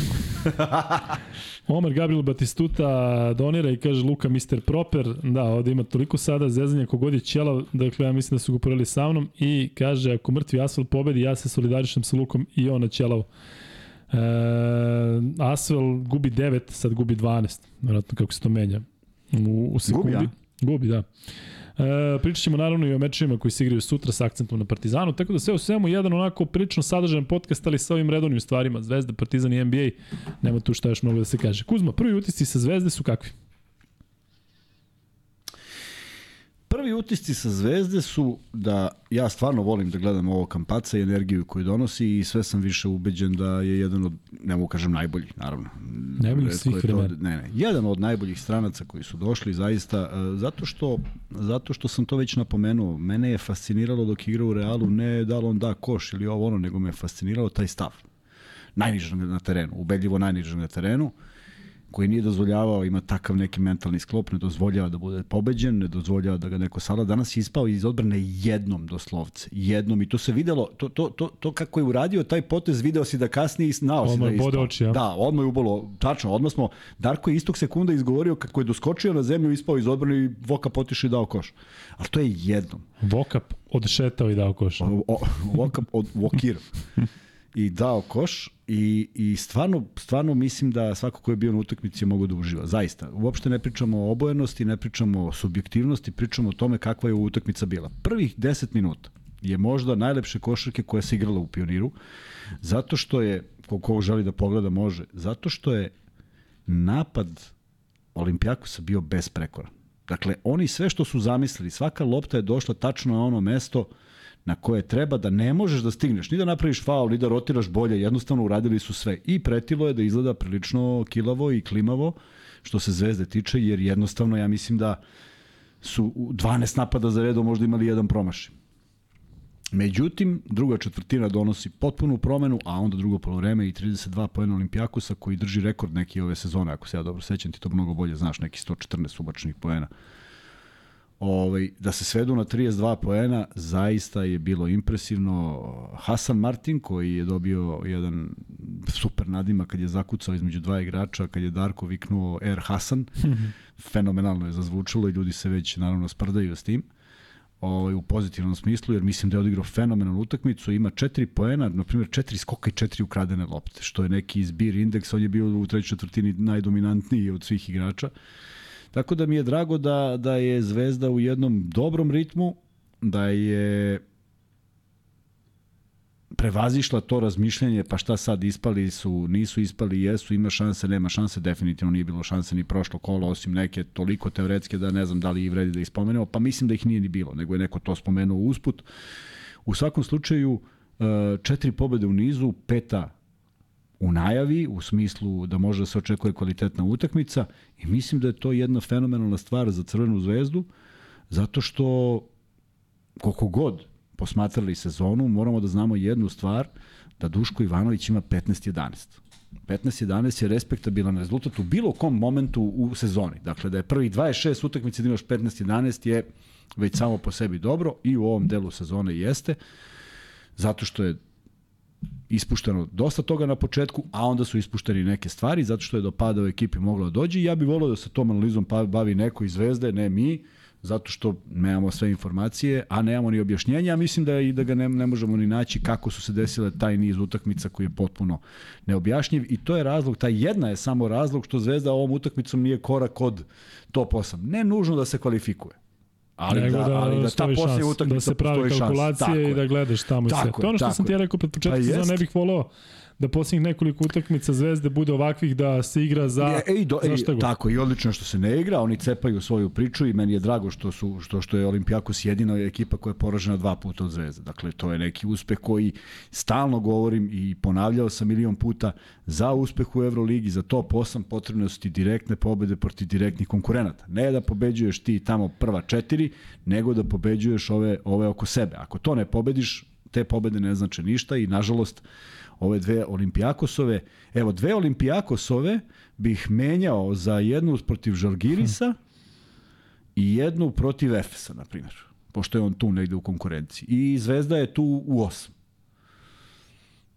sa jednom pobedom, jer si ove vratio jednu pobedu. Da. I sad ti dolazi od utakmica koje odlučuje. Eto, to su neke matematike koje... Ili Baskoniju da pobediš još jednom, ajde pobedili su jednom, pa ajde ne preterujem da bude dva puta. U svakom slučaju, uh, lepa atmosfera, puna dvorana, uh, ne svaki Dobro uvertira za to da i, i protiv tako, Fenera bude krcato i da je, se odjavi Euroliga na taj način. Pogotovo što je ovde bila jedna potpuno čudna atmosfera. Dakle, izašli su igrači Olimpijakosa, svi su se veselili, onda su izašli igrači Zvezda, onda su se svi opet veselili.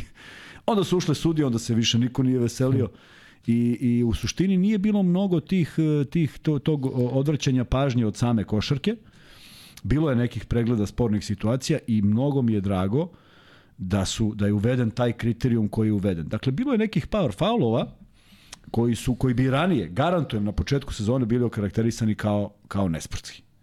I onda se desio jedan jedan momenat koji je sam po sebi morao da bude da, ne zato što je bio iole grublji faul od tog prethodnog, nego zato što se dešava na pola terena i oni kad zamrznu sliku, kad Dobrić prebacuje u suprotnu ruku, ti vidiš da nema nikoga, nema nikoga do koša.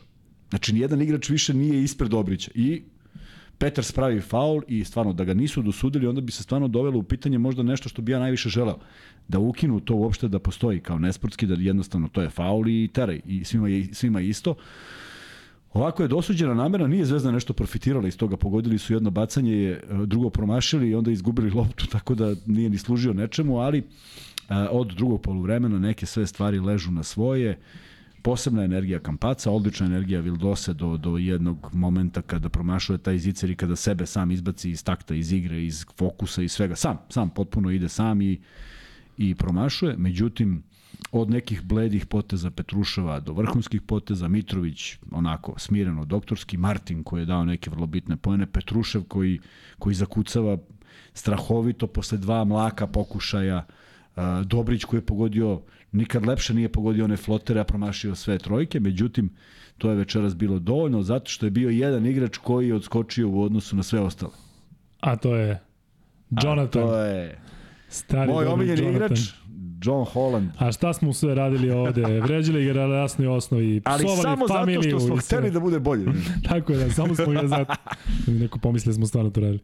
Um, Ne, za Crnog grobara, samo da kažem, Crnog grobara poruka da ćemo pričati o Efesu, iskreno nisam video šta se dešavalo, da, dešavalo ali pogledat ću. E, da kažem da se slažem sa Nikolom Simićem e, i da kažem Ivanu Jovanoviću da mi je žao što je prolazio ovaj buran period. Hvala tebi i veliki pozdrav i za tebe. Kuzma, imam dva pitanja u vezi Zvezde, mm, ali ne, ne tiču se samo utakmice. E, prvo, ajde, neko je ovde pitao kako to da sada igraju ovi rezervisti, ovi koji su otpisani, pa da li je moguće da Zvezda igra bolje sa njima, kada su dobili neku tu priliku malo da se razmašu igrači poput Martina, Bentila i Holanda, njihovu definitivnu utakmicu u posljednje vreme su posebne Tako je. u odnosu na ono ranije Tako tokom je, sezona. tako, možda je leglo nešto, možda su oni provali šta treba da rade. I gledamo, gledamo Partizan godinu dana sa igračima koji su bili tu kako neki moraju da se uklope, da se uklope, pa se uklopi u nekom momentu. Dakle i ovde, ovde je bilo još kraće vremena za Ivanovića da uklopi neke stvari i zaista kažem misterija da je Zvezda krenula pobedama kad je on došao. Ali aj sad da pričamo baš o njima. Vidi ovako, spomenuo sam Martina da može da bude X faktor na ovoj utakmici. Zašto? Zato što je on ukrao četiri lopte. I ubeđen sam da on zna šta ovi ljudi rade, jer je s njima trenirao sličan godinu tim, to dana. je sličan tim, nije tu bilo mnogo Tako promena u odnosu na ono iz čega on došao u Zvezdu. I on prosto je radio neke stvari koje je radio na treningu, kako je uzimao lopte, pa ako prođe, prođe. Da. I prošlo je. I, I zaista je bio vrlo bitan u, u tom defanzivnom delu, jer on jedno 4-5 minuta, koliko nisu dali koš, uopšte nijedan koš Olimpijakos nije dao, ja mislim da je on ili dve, tri lopte ukrao, ili dve, tri pres, čačno, ili negde neku bocno, ili neku negde dohvatio, ali strašno je bio u, u, u, ovaj, angažovan u odbrani. A, to je jedan. Holand koji je možda čekao da postoji neki ovakav igrač koji možda ga nađe uvek. Dakle, ona pa asistencija koju možda nisi video kada vraća loptu, zaista. Ja ovo što sam gledao, Holland je sve promašio. On ima tri promašaja kad sam ja gledao. Ne, ovo je bio moment možda i ključni gde, gde, znaš ono, kada valjda se sve nameste kockice i kaže šta god da baci sada mora da uđe jer bi bilo greota da, da ne uđe. Znači, Holand je izbacio loptu u kampacu, krenuo, povukao ih sve i iza glave, zvizno direktno u ruke, tamo odakle dobio loptu. I Kad si već tu, reci mi koliko Holandu znači na, na polju samopouzdanja to što vidim da mu igrači veruju. Recimo, Nedović mu je vraćao lopte na zagrevanju. jeste, To da. što sam vidio. Dakle, on je očigledno momak koji je tu omiljen u smislu vidimo i kako se ponaša i sve. Verovatno to ne može da isprati igrački, ali eto, može u jednom ovakvom meču protiv najbolje ekipe u Evropi da bude najbolji. Dakle, možda i mi previše očekujemo, a možda, možda, znaš. možda, možda, možda nije bio na dobroj poziciji. Ne, ne mislim, ne može on da igra na petici, ni ne mislim to, Da. ali prosto možda se neke stvari nisu poklopile, možda ga je neko dobro čuvao, možda ima hiljadu možda šta si radio u nekom momentu dok nisi pojednostavio igru i mislim da je u tome odgovor, zato što ako vratimo film, E, 2-2 protiv koga, pa 1-1, pa na primjer sada 3-6-3. Znači, deluje mi da je ušao u taj ritam, e, ne razmišljam, palim, sam sam, ali on je stvarno svaki put kad dobije loptu poprilično sam. I siguran je u svoj šut. On je šutnuo jednu iz, iz, iz driblinga, iz ćoška, pa je šutnuo još jednu iz driblinga. Nije to njegova igra. Odmah se vidi da je drugačiji šut. Međutim, kad on dobije loptu i kad je digne, to deluje, e, to je trebalo ukomponovati. I sada neko kaže, vidi ga kako igra sada, šteta što nije, nije bila pozicija. Nije bilo neko poverenje. U odbrani nije on ništa bolji. On je samo agresivniji da bi danas zaista Kenana uvatio Evansa. Zašto sam ga zvao Evans, nemam pojma. vam kažu da ne možeš da ubodeš Da, njegovu... ne, ne, ja Kenan, ja Evans, on Kenan. Ma ja mislim da se on zove Evans. A da dalje ne mislim- znam, da je da ime zna. Evans, znaš. A da ne zna. O, ili javnost ne zna da se on zove Kenan Evans Jr. To se meni dešava, ja ovaj, nekog kad prekastim Evans? tako. E, uopšte mi nije jasno. Pa mo- možda zbog ovog Kinana Evansa Pa koji je iz je Žalgirisa, a ovo je Žalgirisa, ne, Kenan, Kenan, Kinan i tu si aj, se ja prezučio. na Evans, nije ni važno. U svakom slučaju, ovaj, ne znam, ne znam šta mi je bilo, ali nije to mnogo važno. Važno je da je on uspeo u dva puta u jedan na jedan da, otme, da, da iznudi faul napadu i još da otme dve lopte što iskreno da ti kažem, ka- pošto ja nisam znao mnogo o njemu, osim ono, onog, onog, onog, one epizode iz Burse kada su igrali tu završnicu Evrokupa, ali sam mislio da je upravo to, da je on pitbull, kako je sam sebe nazivao, baš u odbrani i da ima te brze ruke i video si kako su neke lopte ukradene večeras, na bam, bam, bam, nešto što, što, što, što više pri, pri, pristaje američkim igračima. Navikli su na tako nešto, nisu svirani faulovi, u Evropi je to dugo bio faul, pa se, pa se neko stvarno nikad nije ni bavio time, ali oni to rade i rade jako dobro i on radi posebno dobro, ali vidiš da je izostao i taj deo. Nekako je uvek kasnije u odbrani, uvek se zaglavljivao u blok. Kažem, to su sve neke momenti koji treba da se da se da se prevaziđu, da se dađe dobar momenat, e, da se nađe dobra pozicija u ekipi. I onda upali da on bude danas jedan od najefikasnijih igrača. 17 poena je dao, Kampaco je dao 20, mislim da je još neko dao 17 i to je to. I mnogo je, Mi, mnogo on je dao dobro. 17, Kampaco 20 i niko nema više od 12. Kako? Govorim pet u igrača. Zvezdi. Pet igrača mora da ima Da, dvocifreni. da, niko nema više od 12. Dakle, 20, 17, 12, 12, 10. A, On ima 12, 12, ja 17, mislim da. da. je to 12 17. Vildosa, nisam Petruša vidio dobro. 12, mislim da je- aha, aha, dobro. Da, ovo sam znao, mislim da je Vildosa na, na, na, na, na 17. U svakom slučaju, e, pet igrača dvocifrenih, što je takođe nešto što, što se ne dešava često, u dobrim procentima. Prvi put da gledam statistiku da je samo jedna kategorija na strani protivnika i to skokovi. Zato što stvarno jeste bio problem za Zvezdu i to je najveći problem tokom cele utakmice. Prosto ni jedna petorka se nije pogodila da je Zvezda dominirala, sem u toj trećoj četvrtini gde su te otpadke skupljali na neki način. Fal je predstavljao problem, Kuzmić nije bio loš na samom početku, međutim kako je on izašao i kako... E, Darko je primetio jednu dobru stvar, Petrušev igrao celo drugo polovreme. Ali pogledaj koliko je koliko su nedostajali neki razigrani igrači kada je Fal igrao skoro celo drugo polovreme, što nije svojstveno, niti on može da izdrži taj tempo, niti on igrao za završnice utakmice. Meni je žao što Zvezda nije koristila faulove još bolje. Ej, To sam te čuo da Jedan si- faul imaju i stalno neka trojka ono na pada. trojku Voka, pa... Pa daj bre, tuci, šta tad- ima da nije bio bežiš? nijedan. Nije bio, da, pa šta, Da. od čega bežiš? Što pomaže ovaj? Znači, Pa neki je- i na Lukasu, tako, Tako peti je, sekundi pa Tako je, šta. pa seti. I presečeš ga i nema tog pasa. Ovako je stalno Zvezda davala tu neku, neku, neku nadu Olimpijakosu, a na semaforu stoji nula faulova. Faul nije igrač koji to rešava, jer on kad dobije loptu, to treba da svi skoče, da svi naprave faul, pa kome se svira i eto tako i šutirao. 50% slobodno bacanja koji mu je prosek, ne možeš tako da dobiješ utakmicu, a onda, a onda vrhunac ludila ona šabačka kontra iz milja, što tako, tako smo je zvali, kada Kampaco polaže, ovaj, ovaj viče pritisak samo kao bez, e, bez, kako je rekao, bez faula odmah, nego udvajanje, ovaj pup, i ode Kampaco A do Vildosi kraja. na kontra? Kaj je promašio? Da, da, 1-0. Ba, da, ba, Dešava se. Dešava Se dešavalo? E, znaš, da, znaš, se dešavalo tako promaši za kucavanje ili da, da nešto? Ne, desilo mi se jednom tako baš da promaši. Baš se me tako izbacio, drugi tako se vratila. Da. Da. Zato, ali, ali stvarno onda poslušaš trenera, pa ideš na tablu i ne može bude ni rampa, jer ako je pogodiš stotinku pre, to nije rampa, a ovaj da te stigne, pritom prati ga igrač koji mora da hvata korak. I nije bio, ne znam ko, mislim da je bio Papa Nikolau. I nije on loš u tome. Ali ako pobegneš na tablu, pa jedino ako sad stvarno o tablu promašiš uvijek neko veća verovatnoća da će ući kad je lepo izbaciš. Hvala Milanu Kneževiću i Ivanu Ivanoviću za nove donacije. Hvala. E, I Kuzma, pitanje za tebe sada, opet oko, idemo oko utakmice. E,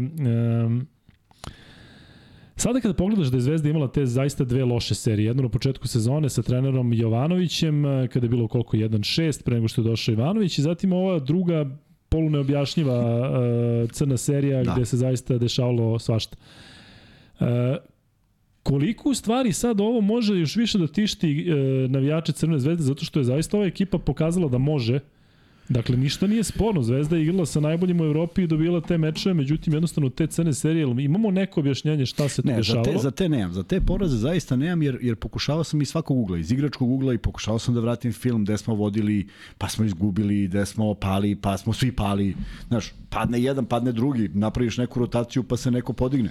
Bilo je, bilo je utakmica, uh, četvrta utakmica protiv Partizana, uh, 2-1, za, ne, treća utakmica protiv Partizana, 2-0 sezona kad je Boša Tanjević, to je 2000 2000. 2001. na 12 razlike u pioniru u trećoj utakmici čovek ovaj, izmeni petorku.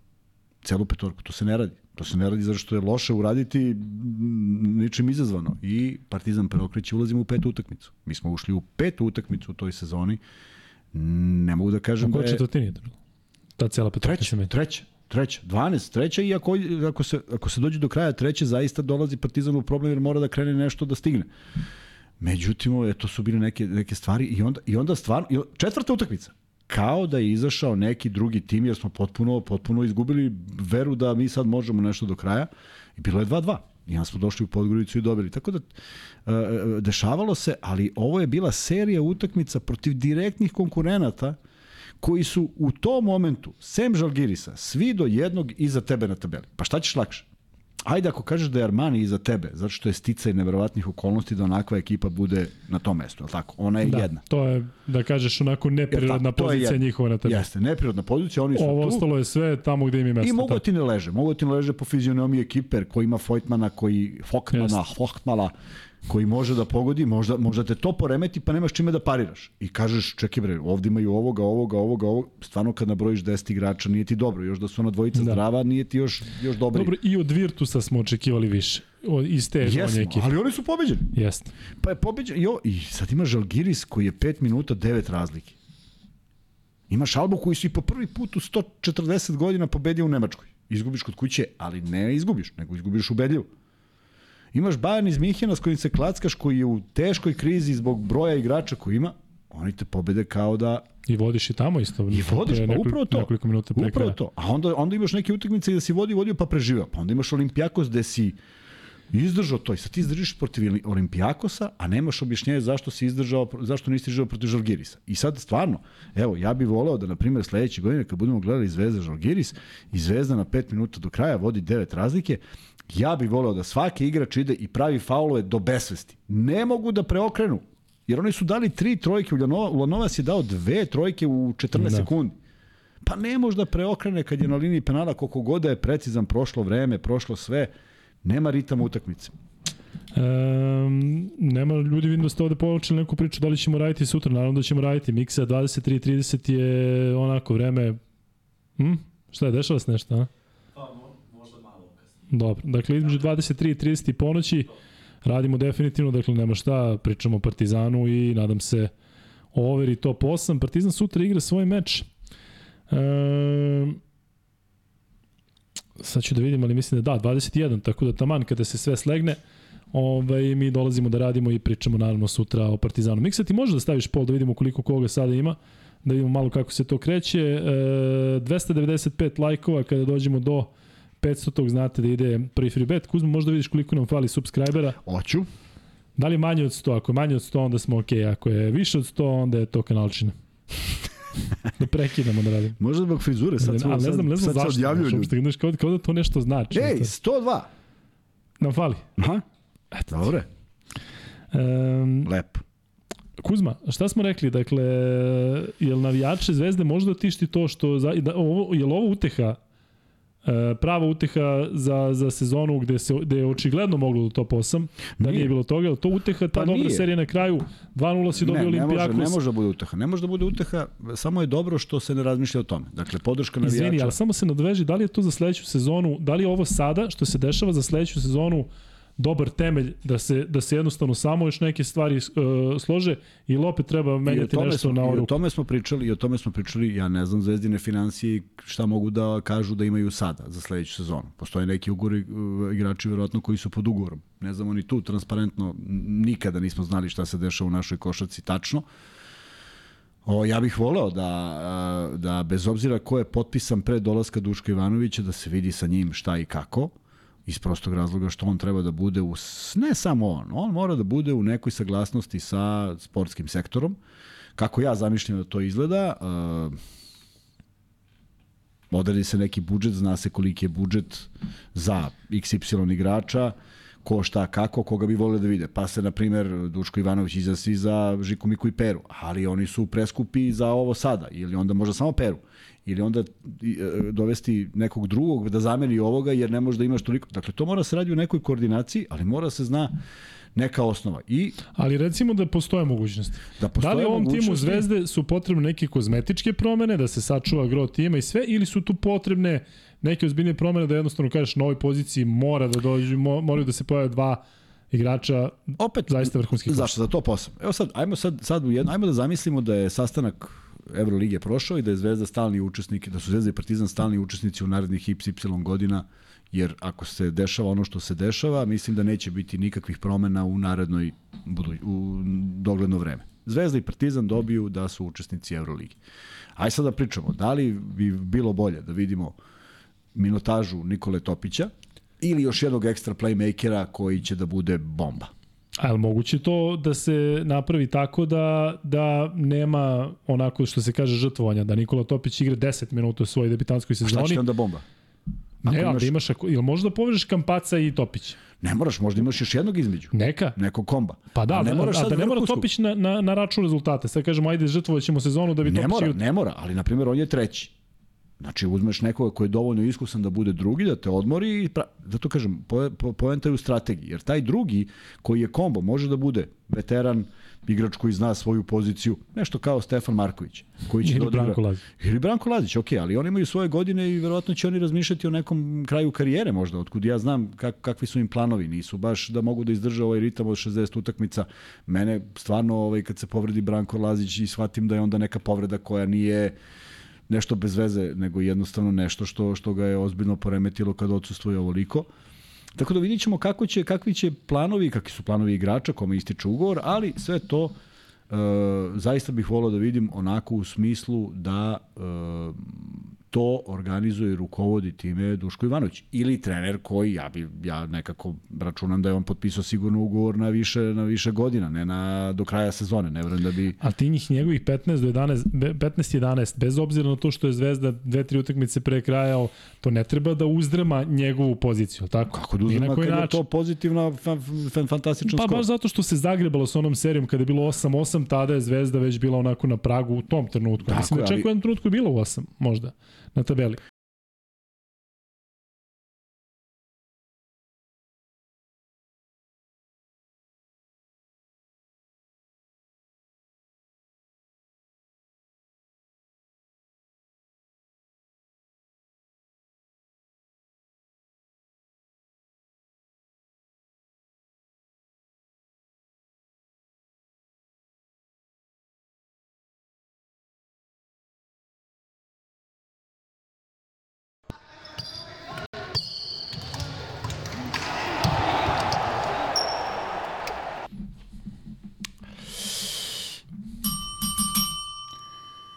Dobrodošli u 157. izdanje podcasta sa Pola Luke i Kuzmom.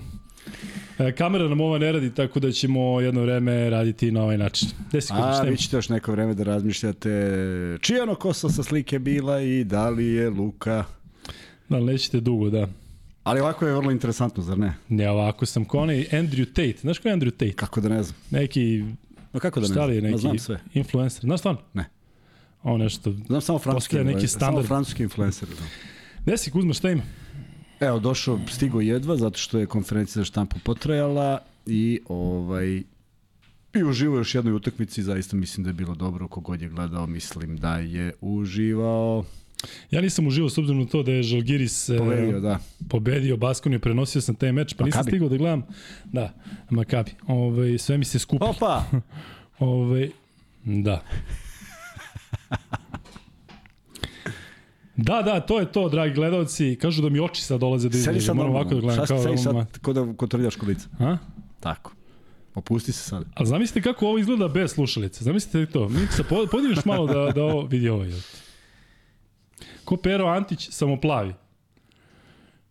Šta ćemo radimo, Kuzmo? Ćemo da, da nastavimo da radimo ili da prekidamo? Ja sam dalje u šoku, viš da ne mogu da pričam. Da, nisi mi verovao da će ovo. Znaš kako si mislio da ja ovaj svoju, svoju reč... Stvarno ovaj... nisam, ne da nisam verovao, nego rekao, aj nešto možda tu, nemam pojma šta si pričao, možda sam mislio da ako ne bude prvi, pa ovaj. Ali ti si baš ako bude prvi. To sam shvatio danas kad su ljudi masovno počeli da pišu. da, da, da, da. Mislio sam da će zaboraviti, međutim nisu. Ne da nisu, nego pišu ko blesavi.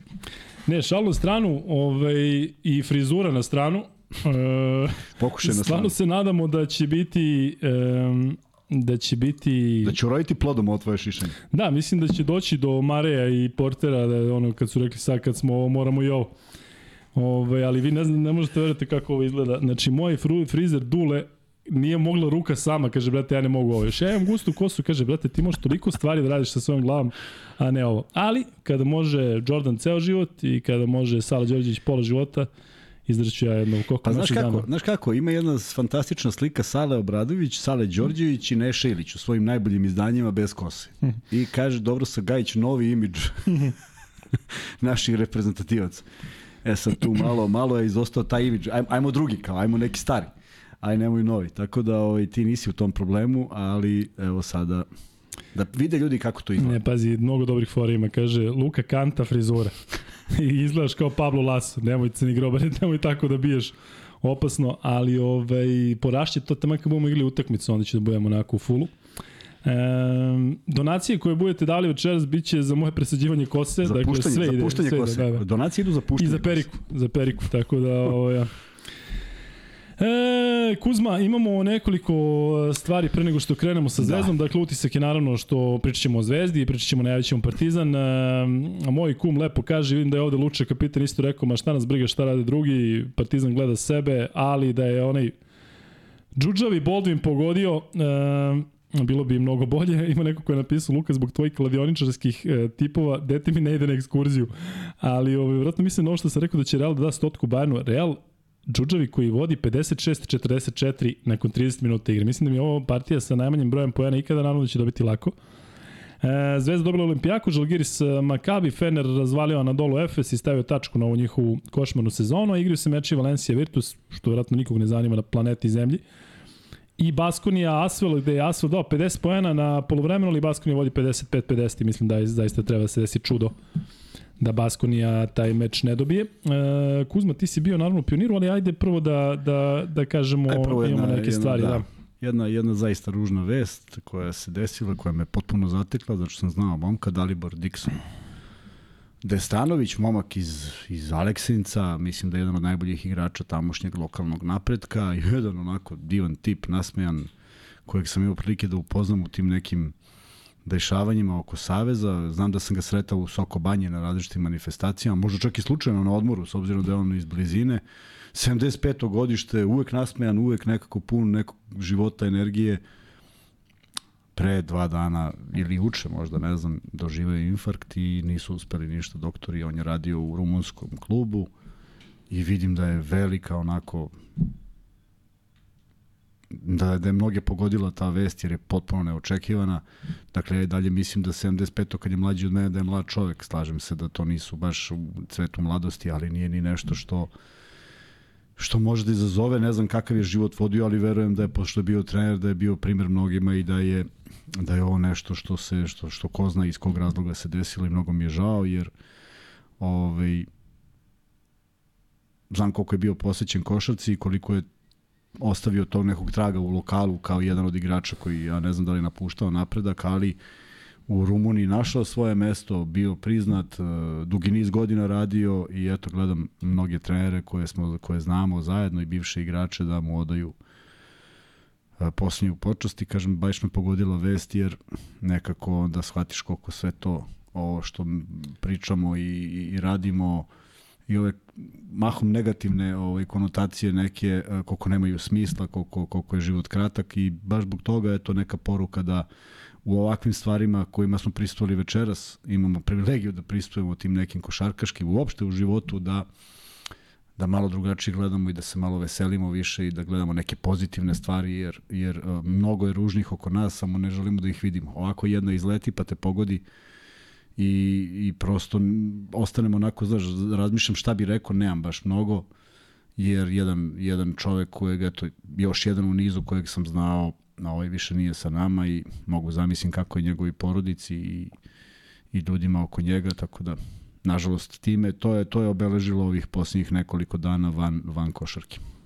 Mnogo smo ljudi ispratili što Strašno, privatno da. i ovako za ovih nepuni godinu i po dana koliko traje podcast i zaista onda tek što ti kažeš shvatiš koliko su neke pa stvari da. kojima se i mi bavimo generalno kao ljudi i posebno ta neka uh, imaginarna averzija jednih prema drugima da, koliko da, neki stvari problemi, nema smisla. Nešto, da. koliko nema smisla, umesto uživamo u tim nekim momentima, se družimo kao što, što ljudi zaista doživljavaju ovaj podcast. Ja ću posle podeliti tu jednu sliku, momak se pojavio uh, ovaj, u Luka i Kuzma majici, ja ne znam koliko ga ljudi videlo. Taj momak je najpopularniji bio. Ja sam da. dobio 20 slika, mogu misliti pa koliko da, si ti. Da, dakle, da, znači samo stižu slike. Hoćemo momku da damo, dakle, momak koji je bio večeras... E... On je meni, ma, pazi, desilo se sledeće. Dečko mi piše, nek mi ne, zame, ne zamere za imena, potražit ću posle. Dečko mi piše, dok sam držao, dok sam radio studio i moja slika i kaže, javi se Kuzma. I sad ja sam slikan iz, uh, iz Anfasa i pogledam gore, naravno ne, ne gleda taj čovjek u mene, niti ja mogu da... da... Kao na vrhu durana. Pa da, on je gore. Visi. I u tom trenutku dok ga tražim pogledom, ustaje momak, ovaj momak koji je na slici i ovako mi pokazuje, podižem duks i pokazuje majicu. I ja mislim da je on poslao sliku. I mahnem ja sve to super.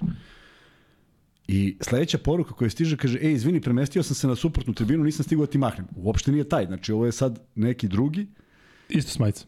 Ne znam, ne znam, on je mm. samo rekao da mahnem, ali ovo kad sam video, a poću naći ime, Ovaj, onda sam pokazao Darku da je on tamo i onda su krenule te slike da stižu. Da, da, da, meni je stiglo, da, i od Uleta i od Ljovea i sa svih strana, dakle, Burazeru, ti se javi da ti poklimaš jednu majicu, dakle, eto, šta da ti kažem, a, ne mora crvena, da nemaš dve, tako da javi se na Instagram, ti ovaj, danas i toliko puta slikan u dvorani, bilo je toga i ranije, ali danas iz nekog razloga ovaj, Još više.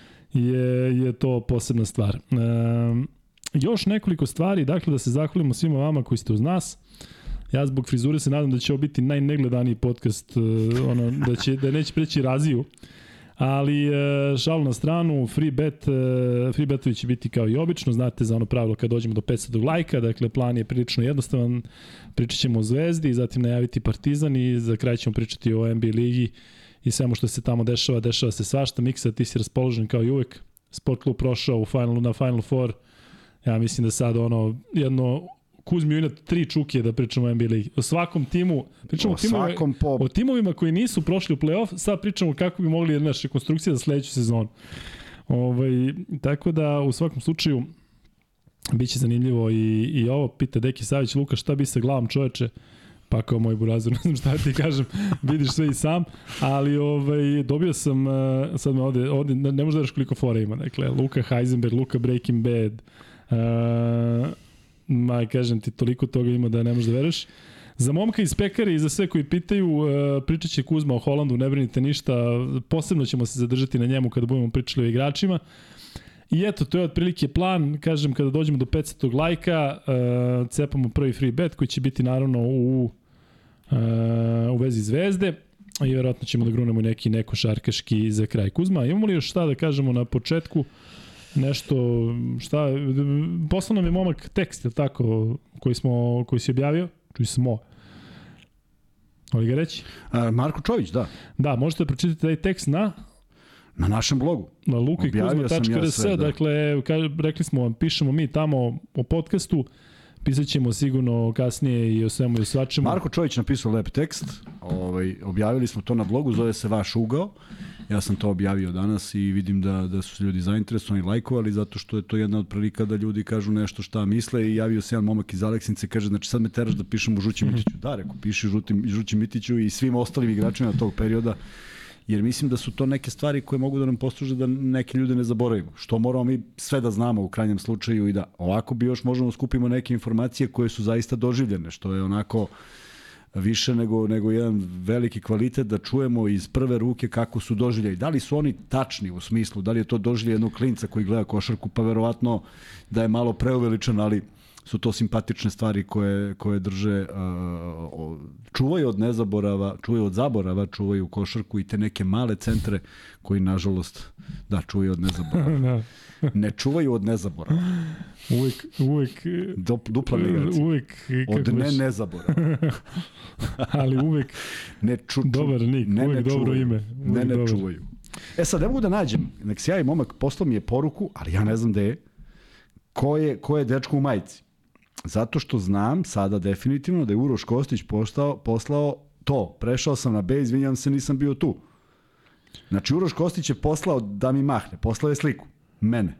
Sa Darkom kako pričam. Ja pogledam i vidim ovog drugog momka i ja ne znam gde on sad nestao. To se dešava u dvorani uvek, ili tako da, da, Da, da, mašiš, da, da, uvek, ono kad uvek, uvek. ili Uvek ima na ljudi. Srbiji, Tako je, pa da. uvek smo mahali, tako da e, ovo što smo uveli sa tim blogom i sa tim tekstom gde možete vi da pišete to je u stvari način gde možemo vama da damo priliku da svi vide kako lepo e, vidite košarku, zato što ovde na četu koliko vidim dobrih poruka i kad god mi nešto propustimo ili zaboravimo ili nešto pogrešno kažemo, uvek nas ispravite i kažem zaista je Milina sa vama pričati o košarci, eto to je još jedan način da da ovaj da se povežemo. Luka, šta ćeš da uradiš ako Denver uzme titulu? Burazir iskreno ti kažem da još, slavim. još kraće. Iskreno ti kažem da da ovaj A, e, Nikola Radišić. Nikola Radišić. je momak yes, Jeste, sam. izvini što te prekinuo. Niđo, E, javi se Niđo, da dobiš još jednu da. majicu pa da imaš da menjaš. Um, pohvalio vas i Miće Berić u nekom podcastu, jesi si čuo za to? Javio? Mislim da je bio kod Ace Stojanovića. Da. Samo što Aca ne može da zapamti kako se zovemo. Ne može? Mm, Ili neće? ne može. Dva Šta puta kažeš? već govori sa Vladom i Kuzmom. Sa Vladom i Kuzom. To je znači nešto protiv mene. 100% pa nema. Aca, Nisam teo ti javljam ranije. Sa Vladom Bolje i ovako Kuzmom. uživo da, da pobesniš. E sad u inat idemo... Uh, E, nećemo da, pozdravimo Miću Berića namerno. Kuzma, koliko nam fali do 20.000?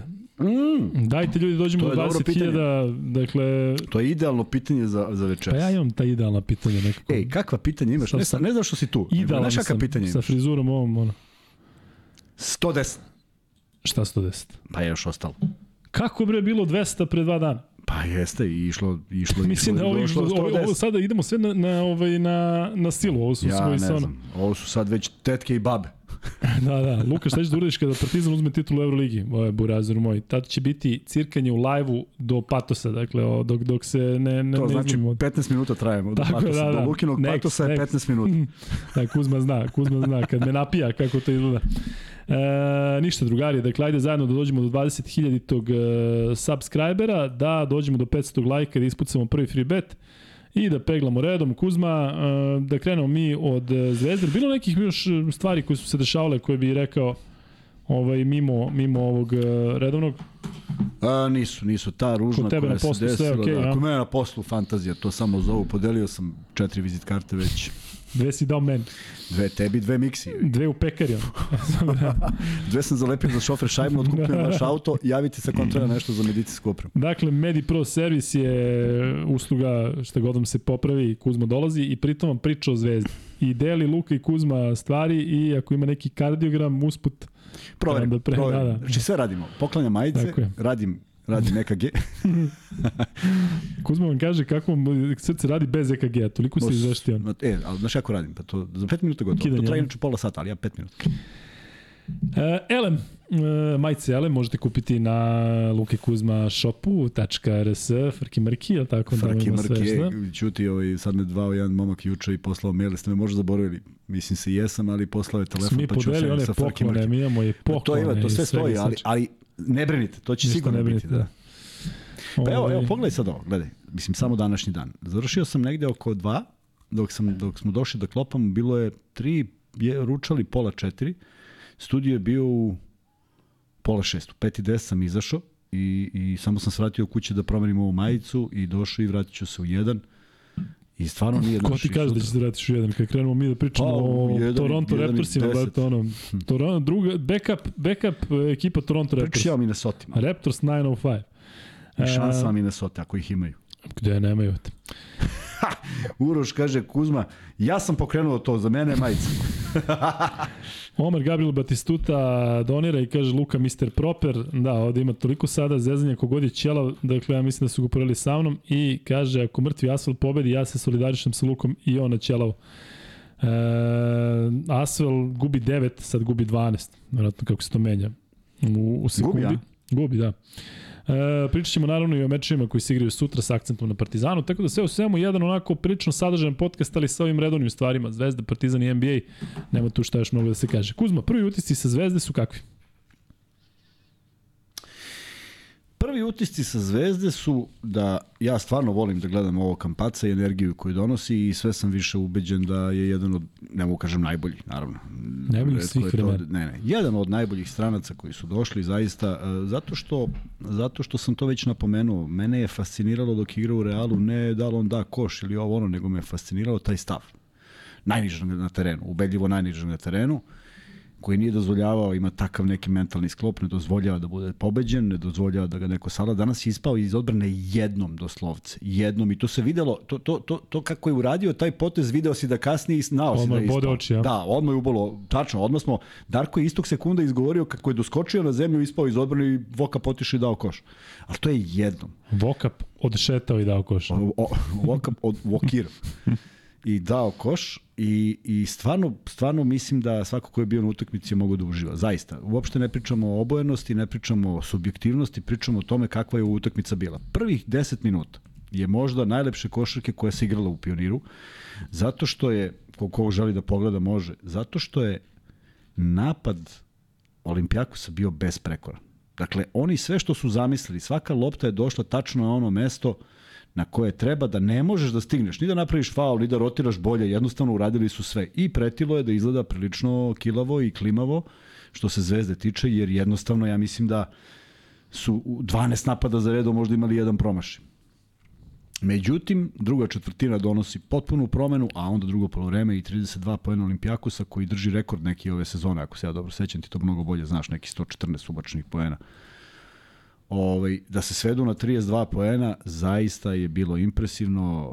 Hasan Martin, koji je dobio jedan super nadima kad je zakucao između dva igrača, kad je Darko viknuo Air Hasan, fenomenalno je zazvučalo i ljudi se već naravno sprdaju s tim ovaj, u pozitivnom smislu, jer mislim da je odigrao fenomenalnu utakmicu, ima četiri poena, na primjer četiri skoka i četiri ukradene lopte, što je neki izbir indeks, on je bio u trećoj četvrtini najdominantniji od svih igrača. Tako da mi je drago da, da je Zvezda u jednom dobrom ritmu, da je prevazišla to razmišljanje, pa šta sad ispali su, nisu ispali, jesu, ima šanse, nema šanse, definitivno nije bilo šanse ni prošlo kolo, osim neke toliko teoretske da ne znam da li i vredi da ih spomenemo, pa mislim da ih nije ni bilo, nego je neko to spomenuo usput. U svakom slučaju, e, četiri pobede u nizu, peta u najavi, u smislu da može da se očekuje kvalitetna utakmica i mislim da je to jedna fenomenalna stvar za Crvenu zvezdu, zato što koliko god posmatrali sezonu, moramo da znamo jednu stvar, da Duško Ivanović ima 15-11.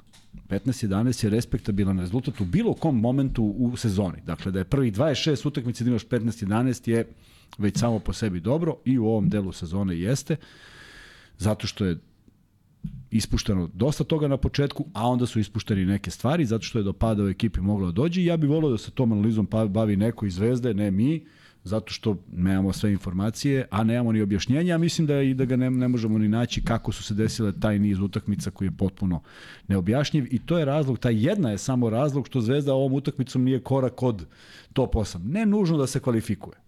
Ali Nego da, da, ali da ta posljednja utakmica da se pravi kalkulacije i da gledaš tamo i sve. To je ono što sam ti ja rekao pred početkom pa ne bih volao da posljednjih nekoliko utakmica Zvezde bude ovakvih da se igra za, e, ej, do, za šta. Tako, i odlično što se ne igra, oni cepaju svoju priču i meni je drago što, su, što, što je Olimpijakos jedina ekipa koja je poražena dva puta od Zvezde. Dakle, to je neki uspeh koji stalno govorim i ponavljao sam milion puta za uspeh u Euroligi, za top 8 potrebne su ti direktne pobede protiv direktnih konkurenata. Ne da pobeđuješ ti tamo prva četiri, nego da pobeđuješ ove, ove oko sebe. Ako to ne pobediš, te pobede ne znače ništa i nažalost ove dve Olimpijakosove.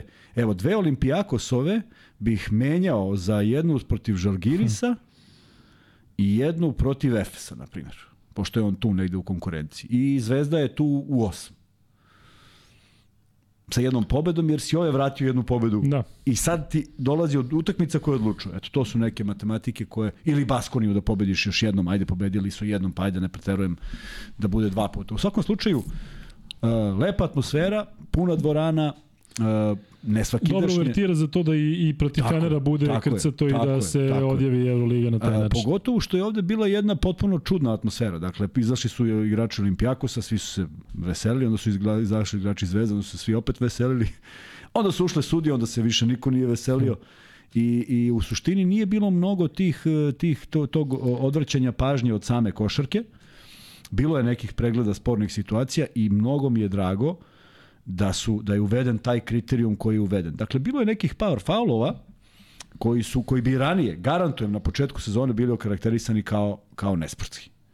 I onda se desio jedan jedan momenat koji je sam po sebi morao da bude da, ne zato što je bio iole grublji faul od tog prethodnog, nego zato što se dešava na pola terena i oni kad zamrznu sliku, kad Dobrić prebacuje u suprotnu ruku, ti vidiš da nema nikoga, nema nikoga do koša. Znači, nijedan igrač više nije ispred Dobrića. I Petar spravi faul i stvarno da ga nisu dosudili, onda bi se stvarno dovelo u pitanje možda nešto što bi ja najviše želeo. Da ukinu to uopšte da postoji kao nesportski, da jednostavno to je faul i teraj i svima je, svima je isto. Ovako je dosuđena namera, nije Zvezda nešto profitirala iz toga, pogodili su jedno bacanje, drugo promašili i onda izgubili loptu, tako da nije ni služio nečemu, ali od drugog poluvremena neke sve stvari ležu na svoje posebna energija Kampaca, odlična energija Vildose do, do jednog momenta kada promašuje taj zicer i kada sebe sam izbaci iz takta, iz igre, iz fokusa i svega. Sam, sam potpuno ide sam i, i promašuje. Međutim, od nekih bledih poteza Petruševa do vrhunskih poteza, Mitrović onako smireno doktorski, Martin koji je dao neke vrlo bitne pojene, Petrušev koji, koji zakucava strahovito posle dva mlaka pokušaja, Dobrić koji je pogodio nikad lepše nije pogodio one flotere, a promašio sve trojke, međutim, to je večeras bilo dovoljno zato što je bio jedan igrač koji je odskočio u odnosu na sve ostale.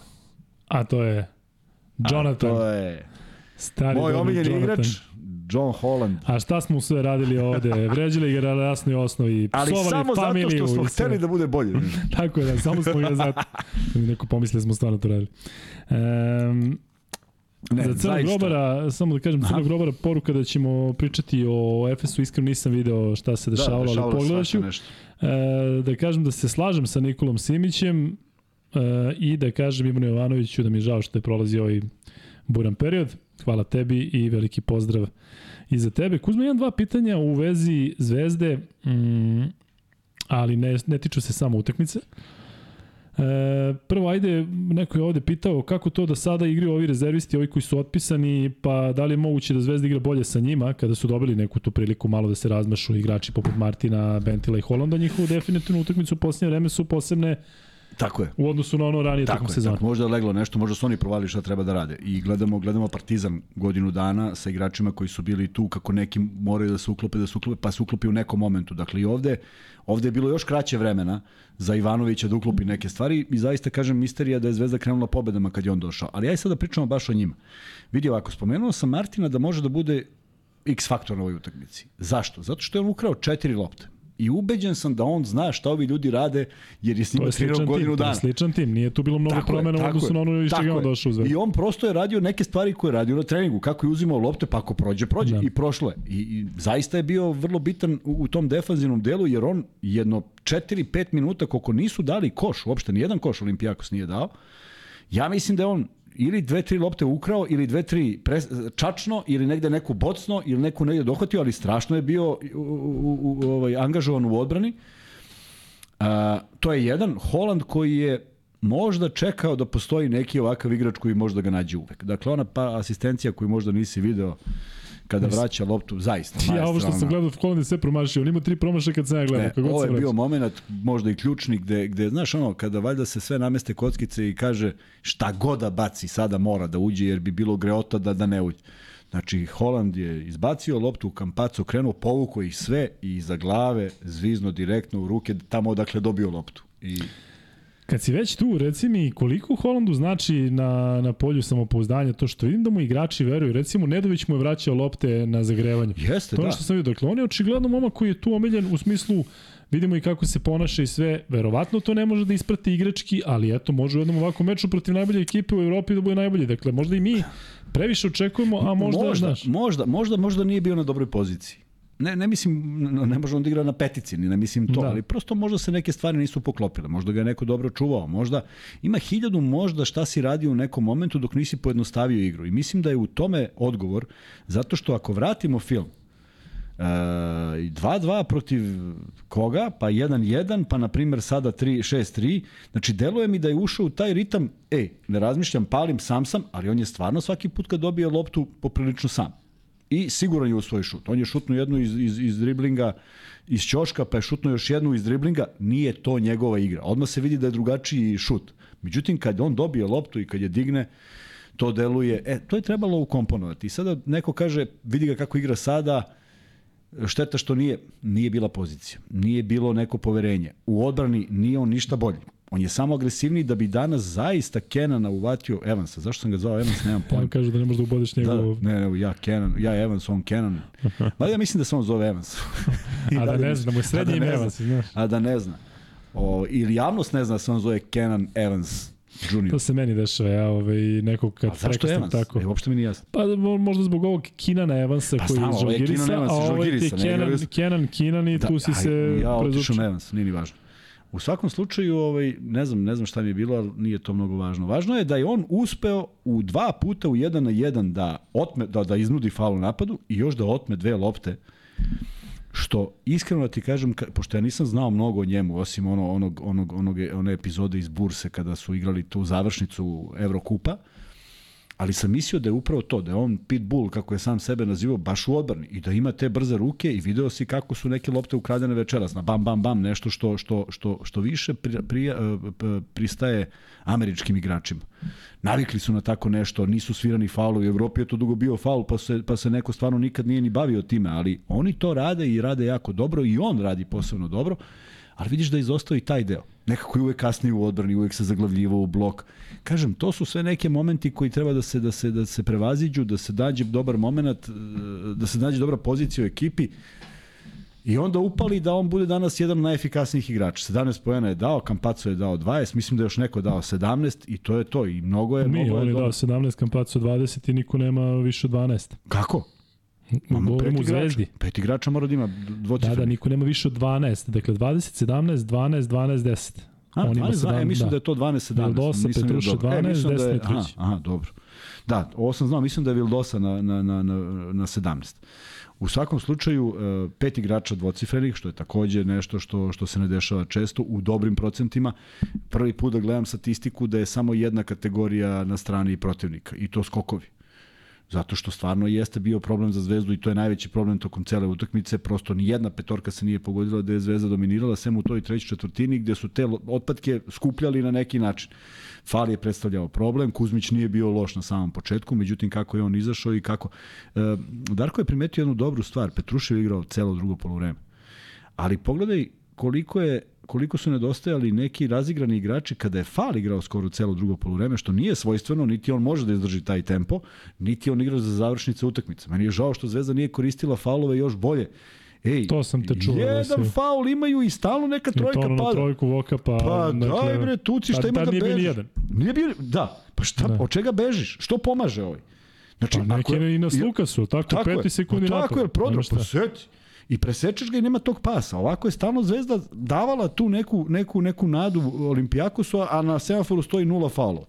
Faul nije igrač koji to rešava, jer on kad dobije loptu, to treba da svi skoče, da svi naprave faul, pa kome se svira i eto tako i šutirao. 50% slobodno bacanja koji mu je prosek, ne može tako da dobiješ utakmicu, a onda, a onda vrhunac ludila ona šabačka kontra iz milja, što tako, tako smo je zvali, kada Kampaco polaže, ovaj, ovaj viče pritisak samo kao bez, e, bez, kako je rekao, bez faula, odmah nego udvajanja, ovaj pup, i ode Kampaco A do kraja. na kontra?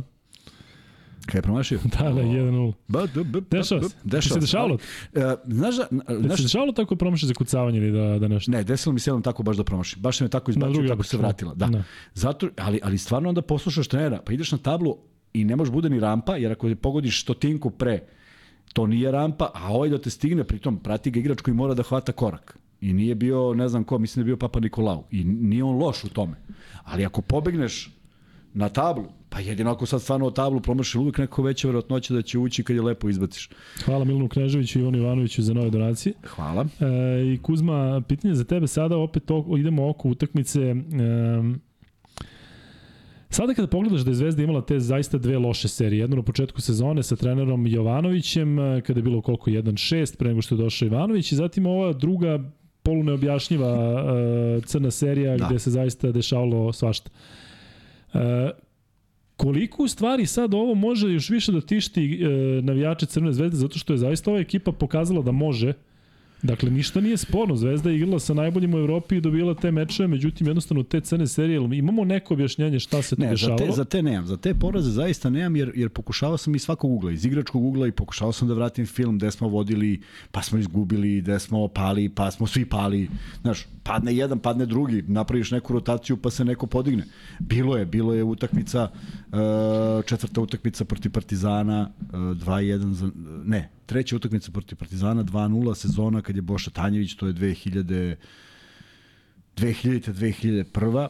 na 12 razlike u pioniru u trećoj utakmici čovek ovaj, izmeni petorku. Celu petorku. To se ne radi. To se ne radi zato što je loše uraditi ničim izazvano. I Partizan preokreće, ulazimo u petu utakmicu. Mi smo ušli u petu utakmicu u toj sezoni. Ne mogu da kažem da je... četvrtini je to bilo? Ta cijela petorka se Treća, treća, treća, 12, treća i ako, ako, se, ako se dođe do kraja treće, zaista dolazi Partizan u problem jer mora da krene nešto da stigne.